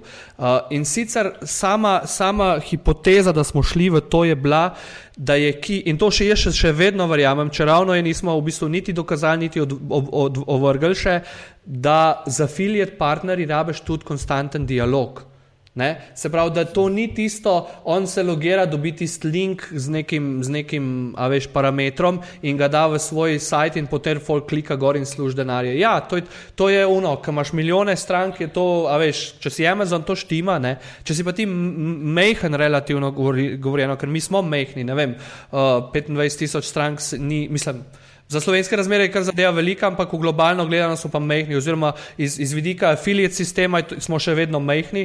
Uh, in, in ja, takrat pa moraš biti hands-on, tako kot smo zelo, zelo, zelo hands-on in do tega se lahko tudi dotaknemo še naprej, uh, se pravi, customer supporta, sem mnenja, da tudi afiliat, uh, stiki z afiliat uh, partnerji morajo biti kot, nek način, na, kot, kot na nek način customer support. Se pravi, da z njimi govoriš, da jim poveš, hej, stranko smo dobili, hej, konvertirala je, hej, uh, ne vem, uh, ful je bila zadovoljna, pa je še en projekt postala, pa mu pošleš majčko, recimo, ali pa ne vem, če, če, če je kje blizu kakšne konference, kam letiš, ga pač pokličeš, pa poveš, hej, greva na, na, na, na pico, te pelem ali pa karkoli. Ne? In to je tisto. In, in to je eden mojih največjih um, pointov, mogoče celo današnjega večera, je, uh, bi rekel, da je, da je bistvo vsakega um, venturja ali podjetništva je stik z ljudmi. Ljudje so tisti, uh, uh, ki so posel. Ne? Nisi posel, ni računalnik, posel ni koda, posel so ljudje. In, moraš, in, in to sem jaz hvaležen Peru, predvsem, ker je on štartov to politiko customer supporta in, in jo imamo še zdaj. In mi imamo delč največ ljudi zaposlenih v customer supportu. Naše, pri nas je letni average čakanja uh, za, za to, da ti odgovorimo na tiket stranki, tri minute. Letni average je tri minute. Ne, da mi odgovorimo strankam, ko, ko nas nekaj vprašajo, ker stranke nam dajo denar, one nam zaupajo z denarjem in to včasih ne majhnimi zneski. Imamo stranke, ki pri nas pustijo sto in več tisoč dolarjev. Ne? Najmanj, kar lahko tej stranki narediš, je, da ji dvigneš telefon. Dobro, sicer nimamo prek telefona, imamo pač uh, software za to, ampak najmanj je to, da se ji oglasiš, ko ima pomislek, ko ima vprašanje, ko ima karkoli. A veš, od ljudi za ljudi bi rekel. In mi imamo celo interno moto, ne, codable from the people to the people. Ne. In tudi zelo ogromno, ogromno featurejev recimo razvijamo v, v, na podlagi requestov naših developerjev. Naši developerji, hej, ne morem tega narediti, pa že par strank prosil, pa to, pa to, pa to. Mi imamo Slack channel za naše developerje in gor so naši developerji in mi čvekamo z njimi tudi o, o, o, o kinu, o ne vem, hobijih, bilo kaj. Mi smo kolegi z našim in tudi oni so med sabo kolegi. Glih, to, kar sem prej omenil, se pravi ta, ta, ta uh, umeten, umeten uh, izenačevanje nivoja popraševanja pa ponudbe, uh, omogoča, da oni ne tekmujejo med sabo. In mi gremo, recimo, enkrat na leto je v. v um, Na, letos je v Parizu World Camp Europe in to je večji World Camp, to je pač World Press konferenca, ne, trodnevna in je večji kot ameriški, se pravi največji na svetu World Camp je in pride letos, mislim, da okrog 50 naših Uh, developerjev bom, imamo tudi, uh, oziroma smo v procesu rezervacije, uh, restauracije, in bo cela naša ekipa, pa 50 teh programerjev, in jih bomo peljali na ja, večerjo. Ja, se pravi, ta pristen stik. In, in ja, no, če se vrnem na originalno vprašanje, se pravi, afiliati velja čisto isto, se pravi, človeški stik prenese rezultate. Če ga ignoriraš, bo on pozabil na te, ti na njega. Če imaš pa nek CRM, recimo, afiliatov, pa se z njimi aktivno ukvarjaš, pot, potem bojo pa prinesli rezultate. In mi imamo, jaz lahko rečem, ne vem, recimo 20% našega prometa pride od afiliatov. Máš, zdaj si omenil ta Slack, pa um, to hitro odpisovanje e-mailov. Um, So še kakšne dru druge prakse dobrega dela, kar se tiče tega res fenomenalnega customer supporta? Uh, ja, pri nas imamo, mi, mi jim rečemo Black Books, um, mi imamo zbirko Black Bookov. Um, in, to je pač fraza. Uh, v bistvu je ni neč drugega kot dokumenti, so ala Word dokumenti, oziroma na GitHubu imamo mi to, ker smo pač geeki. Um, in sicer, uh, ja, ta prvi Black Book, ki smo ga imeli, je bil Developers Black Book. Se pravi, mi smo morali nek set pravil postaviti na Codablu, kako se naši developerji obnašajo naj, naj obnašajo. Se pravi, kakšna naj bo cenovna politika, um, kako z deadline, kako ko gre kaj narobe, komu sporočiti, kdaj sporočiti, um, take stvari, se pravi, komunikacija. Ne? No, in ta v bistvu pravilnik sem ga jaz postavil, um, sicer je zdaj že evol, evolviral, uh, ker je pač, ja, imamo več ljudi v firmi, pa z več developerji, pa več, stranki, več strank, pa pač več edge caseov je bilo, uh, ampak to sem ga jaz postavil praktično. Um, iz vseh svojih napak. Se pravi, to je bil dokument vsega, česar sem jaz sam zajebal, po pravici povedano. Uh, in meni sram tega, se pravi, tam noter je bilo res, dobesedno točka vsaka je bila tisto, kar sem jaz na robe naredil, kaj ne narediti. Ne? Uh, tako da to je eden od teh black bookov, uh, drugi black book uh, imamo pa, na, pa naš customer support. Se pravi, ko imamo novega člana, dobimo, si mora najprej pač ta pravilnik prebrati uh, in to, se pravi, dokumentiramo, a veš, veš, veliko je tistih, sploh ko nov, nov človek začne, pa nima občutka. A veš, vsaka ja. stranka ja. je mal drugačna. Že, a veš, ene stranke so iz Evrope, pa druge iz Amerike, pa je tukaj razlika, neke kulturne osnovo, osnovne razlike. Uh, po drugi strani so eni projekti veliki, drugi mali. Uh, se pravi, poslu so ljudje ne? in ljudje smo različni. Uh, in potem imamo Black Book naših, naših, uh, uh, za naše uh, customer support, uh, uh, zaposlene, se pravi, kaj narediti v kakšnem primeru, na koga se obrniti, komu kaj delegirati, uh, kdaj recimo refundati, kdaj ne refundati, kdaj, kdaj tudi naredimo tako, da damo refund in programerju plačamo za njegovo delo, ker nam je enostavno hitreje in ceneje. Ne vem, če je projekt 200 evrov vreden, ne, da ima neke simple fixe, pa se vidi, da je stranka tečna, pa se vidi, da je stranka, a veš da bo, da bo šla čez vse mere ja. dobrega okusa, daš jih tiste 200 dolarjev, čeprav jih je developer, smo jih, recimo, jih je zaslužil in pol developerja iz svojega žepa plačamo, recimo, take stvari tudi, tudi delamo. Se pravi, mi stojimo, mi smo njim lojalni kot prvo, in v, v, v zameno so potem oni nam lojalni. In, in če ja. izpostavim v bistvu en, en, en strah, v bistvu največji strah, ki sem ga imel, ko smo Codable s Perom postavili, je bil ta, je bil ta mi, mi temu rečemo poaching. Se pravi, da stranka pride v Codable, naroči programerju, uh, naroči pro, programerju delo, potem se pa kontaktirata v zunaj. In potem se tudi mhm. med sabo, in potem jih ni več, in potem sodelujeta. Ne? Tega smo se mi zelo bali.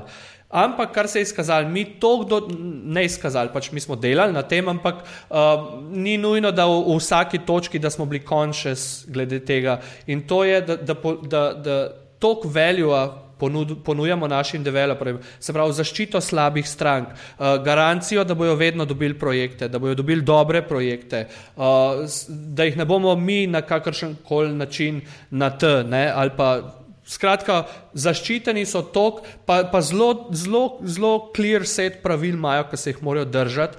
Uh, skratka, in to jim nudi neko varnost. Se pravi, še vedno so freelanceri, ampak imajo nekega semi-šefa, če tako hočeš. Pravi, še vedno jih bomo mi po prstih kreslili, če bojo kaj narobe naredili, um, pa jim pač povedali tudi, ampak je trade-off tokšen, da še vedno imajo zanimive projekte, različne projekte, še vedno delajo, kadar jim paše, kolikor jim paše, tako. Se pravi, imamo nek, smo, res je, da smo outsourcing service, ampak o, o, odnos imamo pa zelo, zelo blizu agencije. Se pravi, da Per, ker je bolj kot sem, avtoritativen kot sem jaz, um, mm -hmm. zna pomisel, da jih po Skypu pokliče, jih, jih uh, okara, če je treba. Tako. Mm.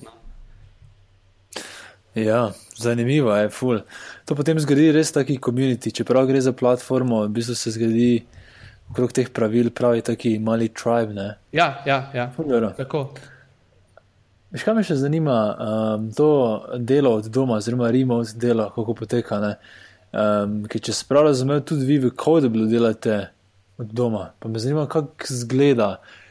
Ker je to bilo namensko, ste se tako odločili, um, ali se je to pač enostavno zgodilo, in potem kako moraš v bistvu vse skupaj, ja, na kam moraš paziti, da uh, uspe. Uh, ja, v bistvu je bilo ne namenoma, pa ne po naključju. Pač tako je bilo, ker sem bila founderja, jaz pa per in jaz sem iz Slovenije, on je iz Danske. In drugega načina nisva poznala, nisva vedela, sva, mislim, delala sva že dve leti skupaj remote pred Kovdablom in je zadeva čist štimala. In ni, ni bilo sploh nikoli vprašanje, prednosti ali pa slabosti, ki smo začeli. Mislim, se zdaj so se izkazale in prednosti in slabosti, no boje so, seveda, ne? ampak. Uh -huh. ampak uh, vedno je bilo, uh, tudi Matjaš, uh, ta, bom rekel, naj prvi uh, zaposleni, oziroma celo pol leta, prvega pol leta je za ston delal, uh, ker ga je to zanimalo, pa nismo imeli denarja, ker smo vsi za ston delali. Uh, in, in on je recimo iz, iz okolice Ormoža uh, in isto, mislim, da je ena ura, ampak je vse ena ura, pisarne nismo imeli. Uh, skratka, čist neko normalno stanje je bilo, da smo remote in nikoli ni, bila, ni bilo na mizi, da bi kaj naredili okoli tega, je to slabo, je to dobro. Tako je pač bilo, a veš, ne vem. Tako, ka, kaj bi se, ko se otrok ko shodi, pač shodi, ker je to del, da shodi in mu ne bo ne pove, da mora ali pa ne sme hoditi, pač shodi, ne, pa zelo pa isto. Pač bili smo remote in smo bili in se noben sploh ni nič okoli tega spraševal, pogovarjal, sploh ni bila tema na mizi o tem. No? Um, še kaj zanima, kaj pa te ljudi, ki jih dejansko najamete, kakšen imate proces, glede na to, da ste rima od firma, je kaj drugače kot pri firmah, ki imajo fizične pisarne. Ker jaz, na primer, uh, poslušam intervju z uh, tem founderjem od uh, Automatika, uh mhm. -huh. kjer ima zelo zanimiv uh, proces in predvidevam, da imate tudi verjetno vi malo drugačnega kot uh, ja, klasične rečemo, klasična podjetja uh, s pisarno. V bistvu imamo eno, um, niti ni skrivnostno, sk niti ni tako skrivnostno. Uh, in sicer uh, en portal, ki se imenuje WeWorkRemotely.com. Ne, ne zgleda nič posebnega, um, ni ja, nekih ja, fancy zadeva, zelo basic. In mi smo, bom, trenutno mislim, da polovico zaposlenih, ki jih imamo, dobili tam.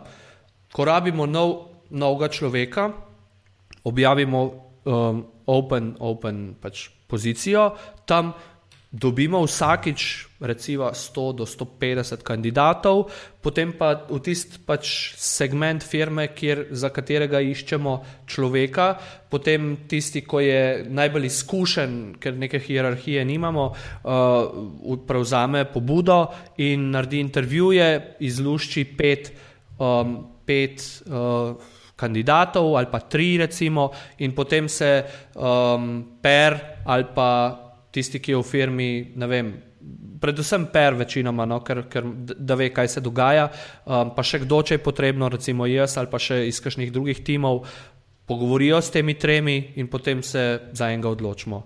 In zadeva gre zelo smudli, ta proces smo, mislim, niti ga nismo rabili neki do, do, dopolnjevati, ker je to delal že iz štarta. Probali smo, dobili kandidata, probali ta drugič, dobili kandidata in zdaj gre vedno praktično identičen postopek.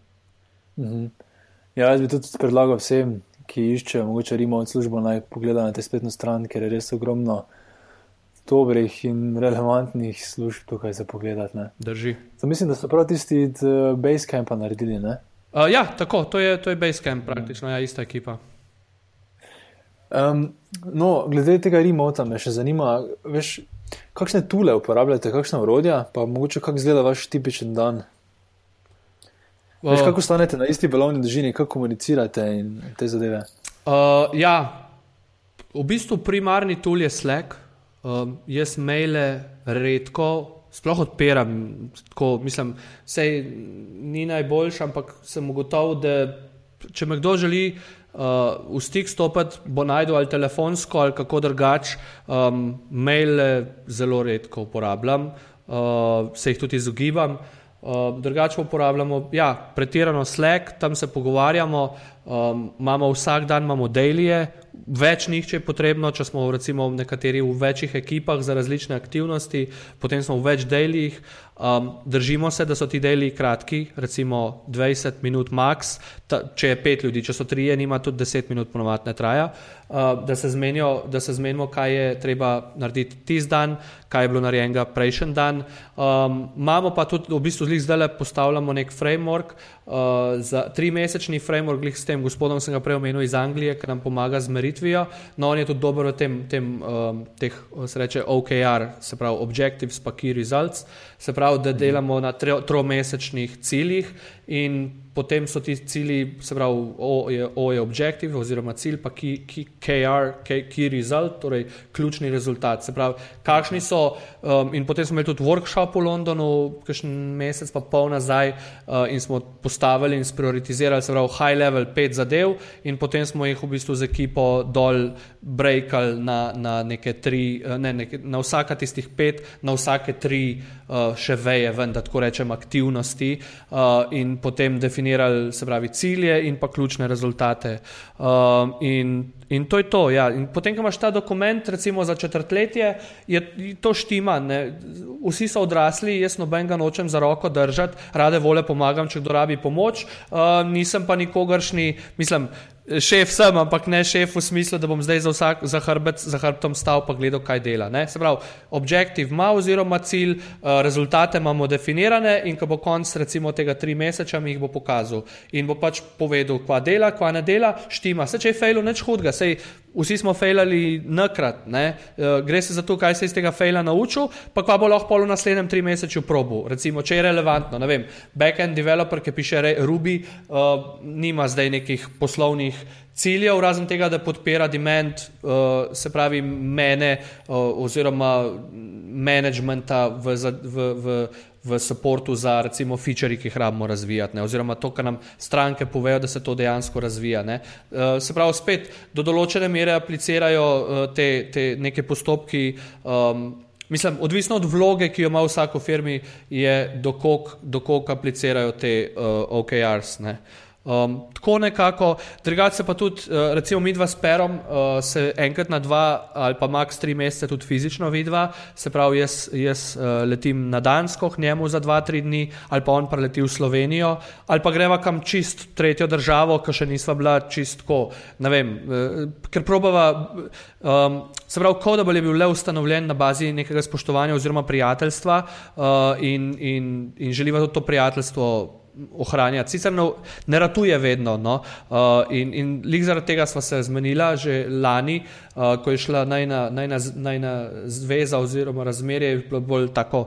Imela smo določene težave, no? malo je bilo na krhkih tleh in smo, ugotovi, in smo ugotovila, da je to ravno zaradi tega, ker se recimo, a veš, Codable nama, nama pobere praktično 24 ur na dan in potem se sam še o tem menjava in če niso poslovni rezultati, kakršne bi želeli, oziroma smo včasih, ne včasih, vedno prestrogi sloga tudi sama do sebe, kje sva, ne pa kje sama mislila, da bi mogla biti in, in ne znava včasih mačkan stran stopati. No, in tudi, glede na to, da je to najna skupna firma, so tudi čustveno upletena, seveda, uh, no, in, in, in zna pr prnest to, a veš, ta, ta, ta, ta manjko stika, recimo, če se ti ne vidiš pol leta, a veš, pa, pa je trenutno tako obdobje, da si malo živčen, potem te vsaka stvar iztera, vrže, a veš, glih zaradi tega, ker ni, ni neverbalne komunikacije. A veš, ti vidiš nek tekst, zdaj pa ker ni smajlija, pa lepo zraven si užaljen in pol mu prbiješ nekaj nazaj.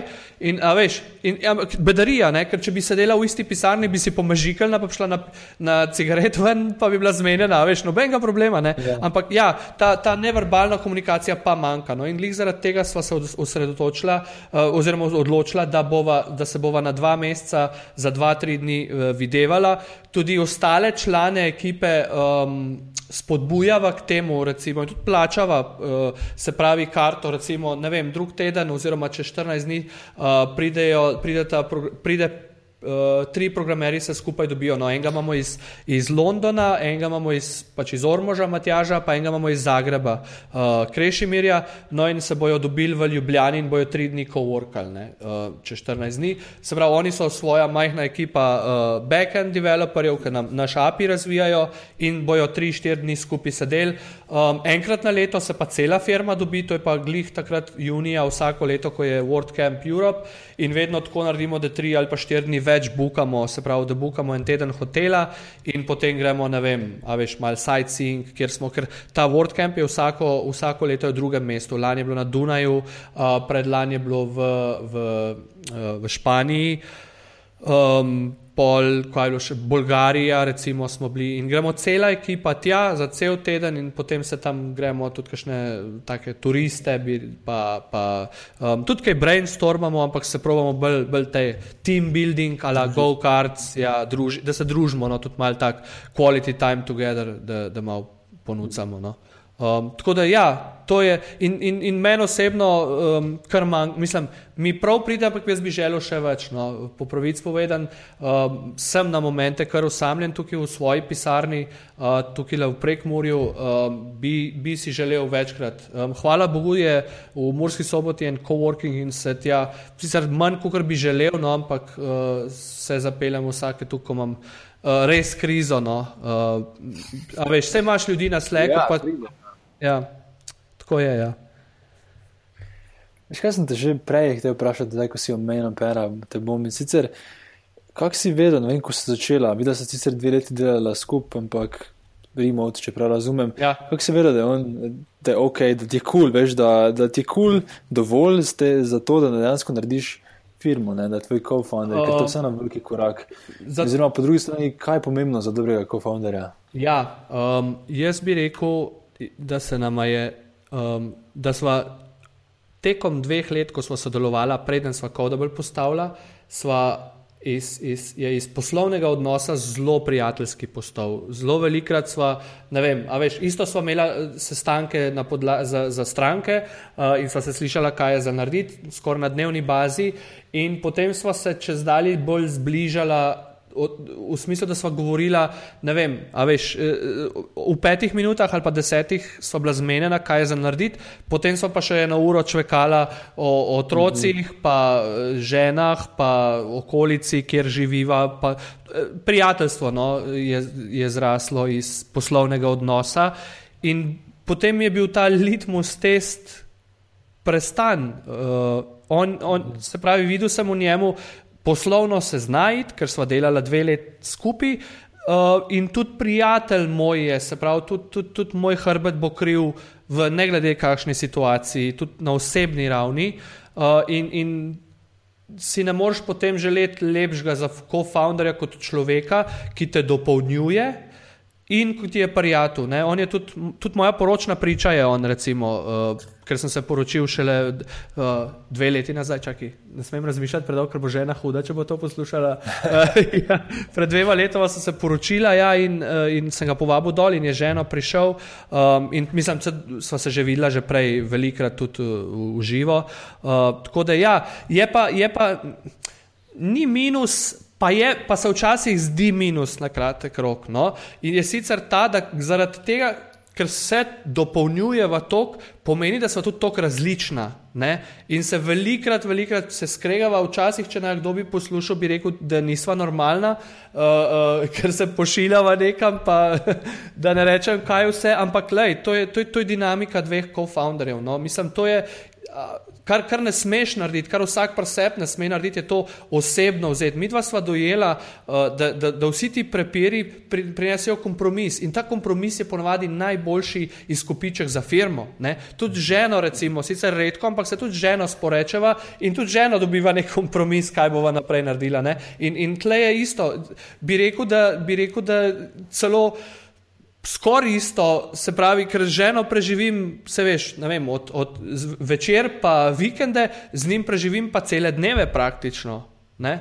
In, in ta, ta dinamika, se mi zdi, da veliko founderjev, ko išče co-founderje, dela to napako, da iščejo nekoga, ki se bi strinjal z njimi. In to je narobe. Ti moraš biti človeka, ki se ne strinja s ta. Mislim, te, ki te dopolnjuje še vedno, ne, zdaj, če se samo ne strinja, pa je totalen dušbek, pol je brez veze. Ne, ampak če se pa dopolnjuje ta skill seta, pa se ne strinja v smislu, da te izzove, potem pa tudi dober znak.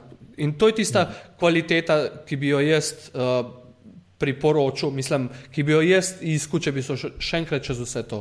Se pravi, nekoga, ki si me upa in me hoče izzvati, in ta izziv, in, in seveda obratno, in iz teh izzivov pridejo kvalitetne rešitve.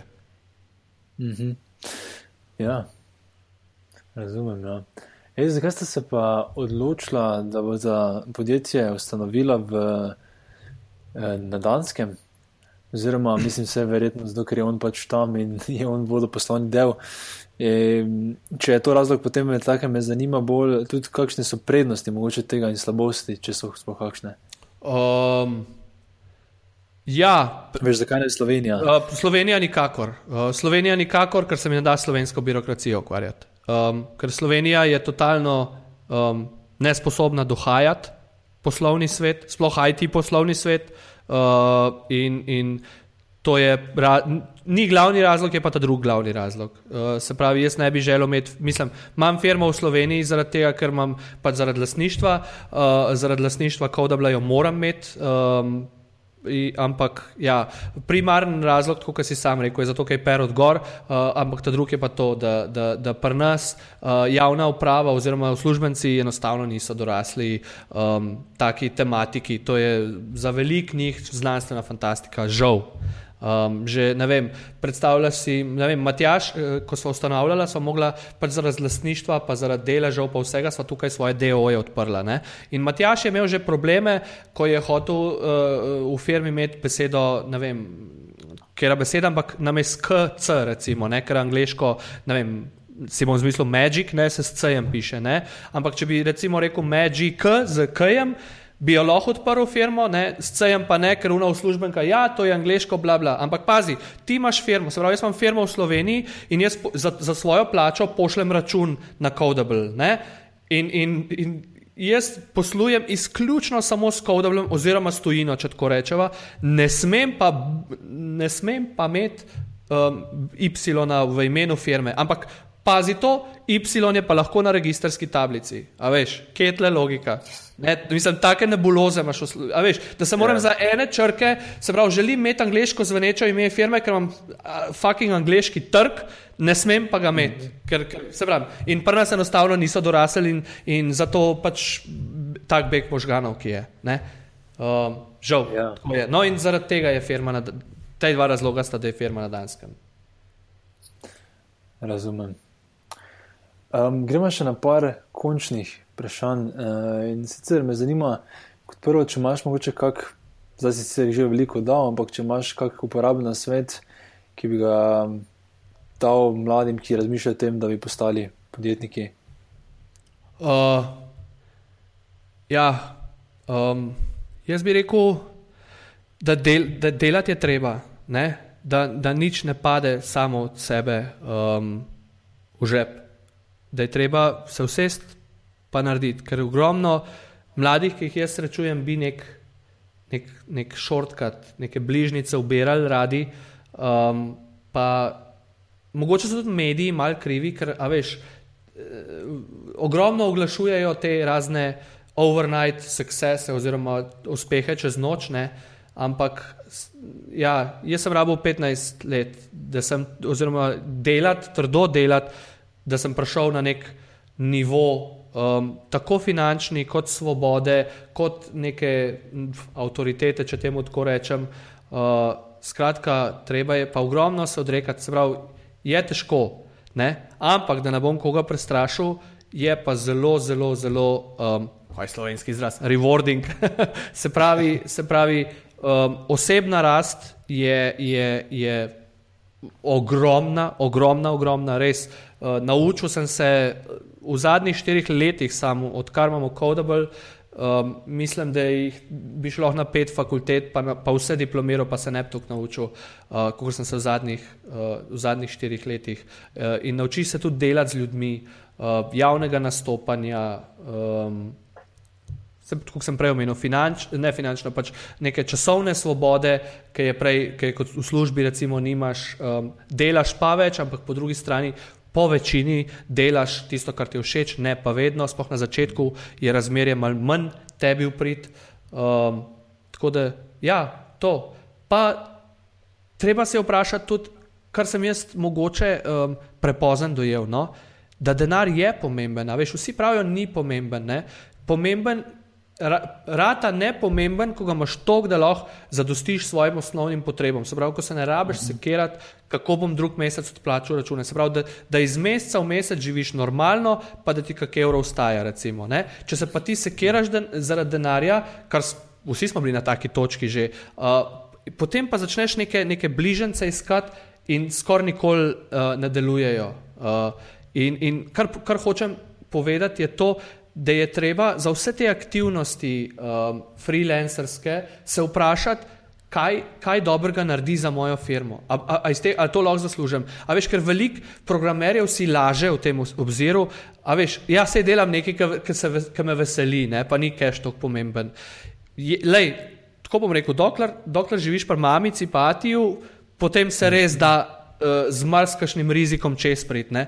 Ko si pa ti starš, pa imaš mehne otroke, za katere moraš poskrbeti, pa, te, ne, pa te, tega luksusa nimaš več. Ne? In, in pri meni osebno je bil Codable, jaz sem se zapuf, za dobro, ne tako blazno, ker veš, če nimaš denarja, tudi kredita ne dobiš.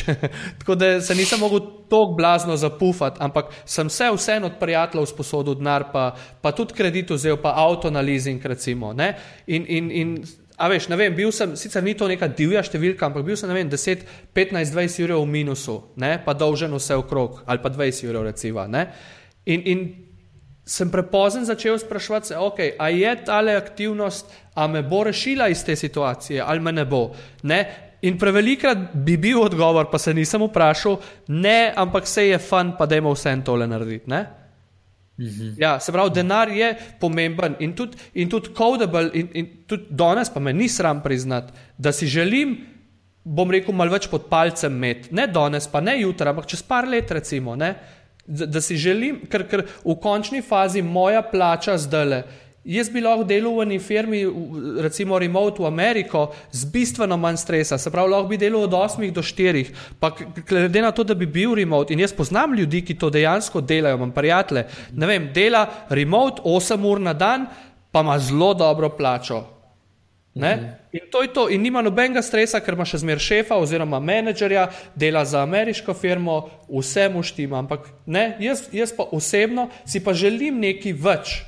Ne? Jaz si pa želim, ne vem, mogoče če, če rečem najbolj be, bedno stvar, dobrega avta, ne? pa si ga ne, ampak imam druge ambicije. Pač, ampak jih želim doseči. Ja. Ampak dosegel jih bom samo tako, če bom imel denar. Se pravi, tudi ne. Jaz ne verjamem nobenemu, ki reče, boljši ni pomemben. Lej, mi smo šli, smo, recimo, da sem v Kodu bil pet let. Zadnje štiri leta, mislim, ne, zadnje leto je v redu, prejšnja štiri leta so bila pekel, ne, v smislu financ. Nismo imeli, mislim, vse smo rasteli, veš, ampak smo imeli investicije, uh, pa, pa moraš v tistega plačati, pa tistega, pa si sam misliš, ok, ne bom sam nič ven je mal preveč, ra, samo to, kar res absolutno rabim, zaradi tega, da bo firma uspela. In se dejansko ja, odrekaš, žrtvuješ. V, ja, žrtvuješ v dobrobit firme. In, in, in se pravi, ogromno se naučil, pa fleksibilnosti, ogromno lepih stvari, ampak čustveno, se veš, ni, ni tista ravna linija oziroma mal valovita, ali je hardcore na gor ali je pa hardcore na dol.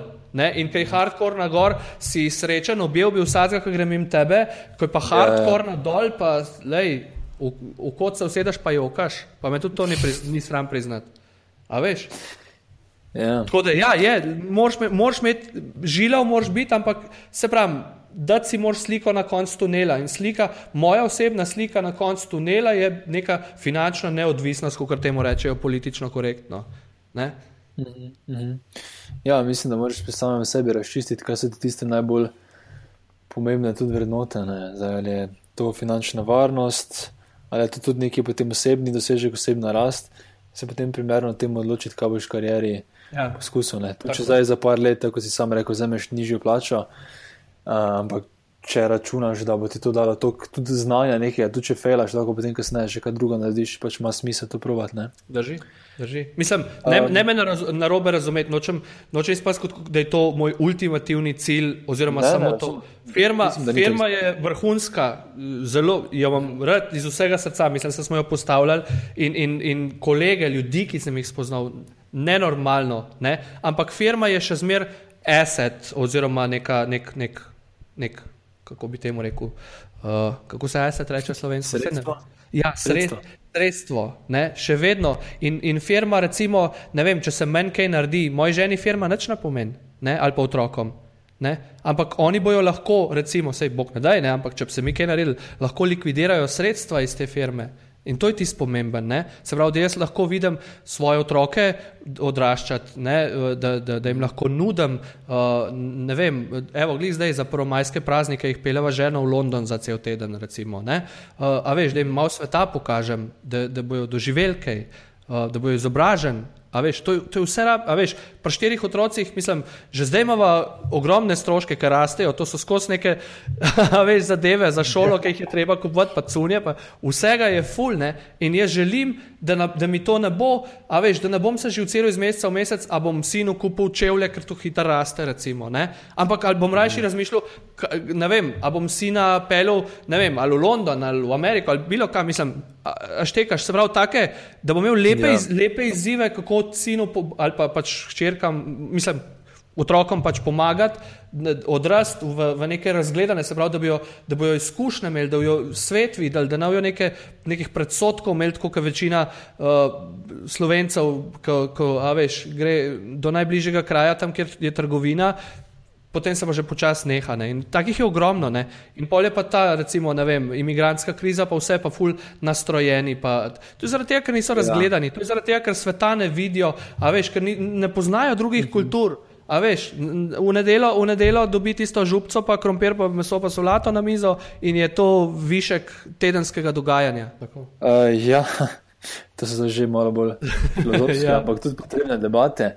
Um, Škaj me še zanima, tako podjetniško, um, ena stvar, ki včasih vprašam goste, bi rad malo spodbujal deljenje idej.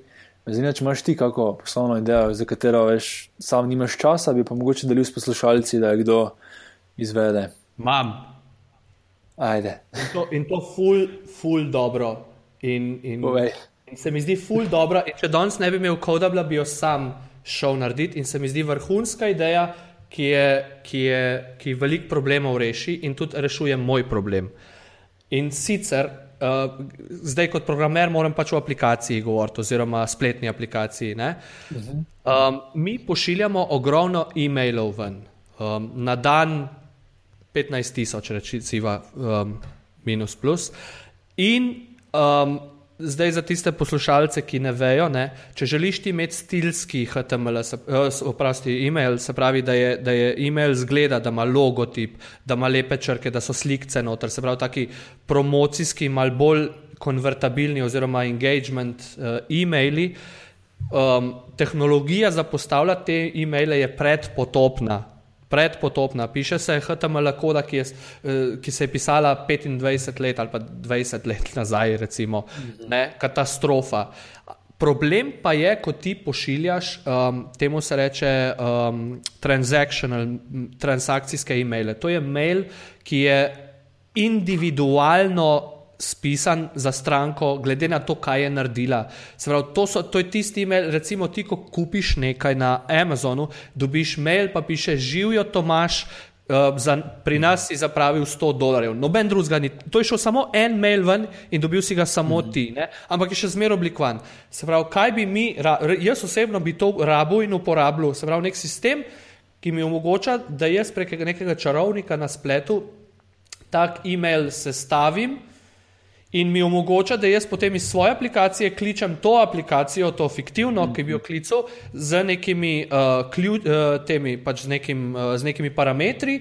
In aplikacija bi mi vrnila zgrajen HTML mail, ki bi ga jaz lahko samo še poslal. Zdaj imaš na netu so čarovniki, ki ti omogočajo, da se staviš take maile, ampak kar sem jaz raziskave delal, uh, so izključno samo za mes maile, se pravi za te kampanje, ki jih ti pošiljaš uh, 100 tisoč ljudem, pa sem tam gori ime zamenja. Ne pa to, ki ti pošleš, a veš, vsak mail samo eni stranki. Ne?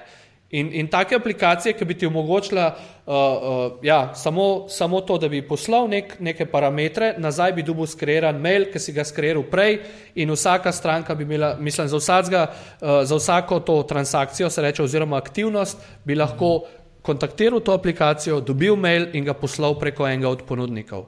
In meni se, men se zdi, popraviti svoje ogromno cajt, sem razmišljal o tej ideji in, in sem se jo že hotel lotiti kot side projekt.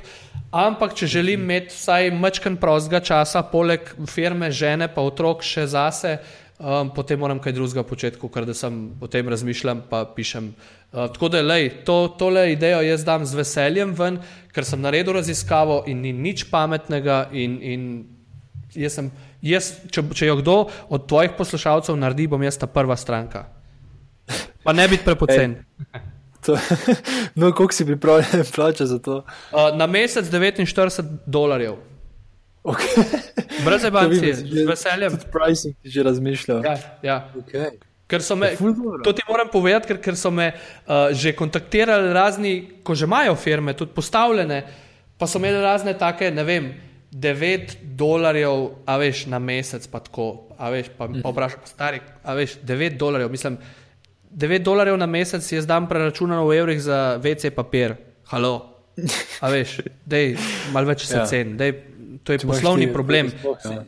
ja, ja, tako. Jaz sem pripravljen malo več plačati, mislim, dvigam ceno, mislim, 9 dolarjev pa res ni več, da je nared, a veš, vsaj uno 39, a, mislim, jaz razmišljam zdaj le malo tržno, pa je 9 od spredi, ampak pač ja, ja. večje cifre, mislim, kva, a veš, stranki, sploh, a veš, mi, ko, je, ko so naše aplikacije v angleščini, ponujamo ameriškem trgu, ameriškem trgu 30 dolarjev na mesec ni nič, a veš, ja. mislim, je, a veš, zdaj pa eni se tresejo, pa joj, pa ne bojo, pa ne bojo, bojo če jim problem rešuje, če si naredil svojo domačo nalogo, da imaš potencijalne stranke, pa da imajo ta problem, pa da jih ta problem za dost boli, potem bojo plačali. To je to. Koliko je takih strank, si delal že kar raziskava? Uh, v kakšnem smislu? Torej, koliko je velik trg, koliko je takih ljudi, ki bi rabili tako aplikacijo? Uh, jaz bi jo rabo. nisem, ne, nisem, tok, eh, žal se pravim, tok se pa nisem spustil. Okay. Kot, kot rečen, rabim mačken časa, uh, da moji možgani yeah. Ja. niso v podjetništvu, uh, kar se sicer redko zgodi, no, ampak si vzamem tudi zase čas. Ja, to je res dobra ideja. No? To sem zdaj presenečen, da si tako vdaro z njo. Teda upam, da kdo od poslušalcev res naredi uh, in si vzame čas za to. Um, Veseljem. Pa je zahtevno za zgraditi tudi dejansko to? Um, lej, jaz osebno, če, recimo, če se ne bi s Codablem ukvarjal, bi mi vzel. Ne vem, samo za aplikacijo, dobro, pa moraš še spletno stran postaviti, da jo oglašuješ, pa gor dol, pa mhm, plačilni ja, sistem, ja. pa vse. Ampak za samo aplikacijo, jaz mislim, da je nek MVP, se pravi minimum viable product, bi bilo, kaj se vem, dva meseca, recimo tri max, da jo zgradiš. Ne? Ja. Tako da, lej, z veseljem delim, brez skrbi. Pa 10% od, uh, od dobička hočem. itak, itak.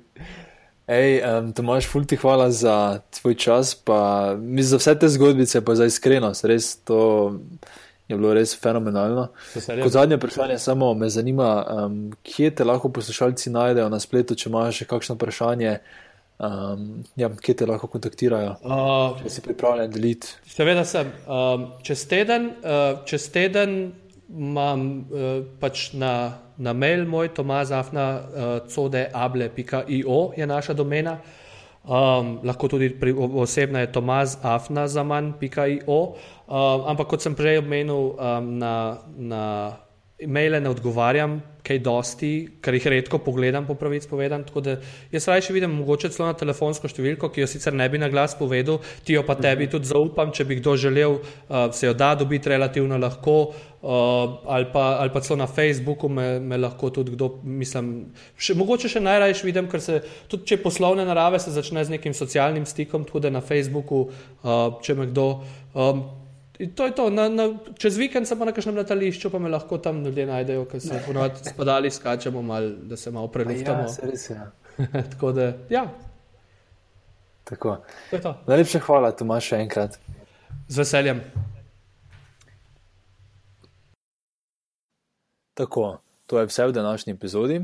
Če ti podcast za kulise všeč, te vabim, da se prijaviš na mailing listu na zakulisi.com, da boš obveščen ob objavi naslednje epizode. Zaenkrat se je izkazalo, da je ena epizoda na dva tedna dobra frekvenca, tako da bom kar nadaljeval s tem. A ja, pa hvala vsem, ki ste oddali ocene in komentarje na iTunesu. Za tiste, ki pa še tega niste naredili, vas vabim, da mi tako pomagate razširiti besedo o tem projektu saj z vsako ceno in komentarjem iTunes boljše nagira podcast in ga potem lahko odkriješ več ljudi. Hvala še enkrat in se slišimo v kratkem.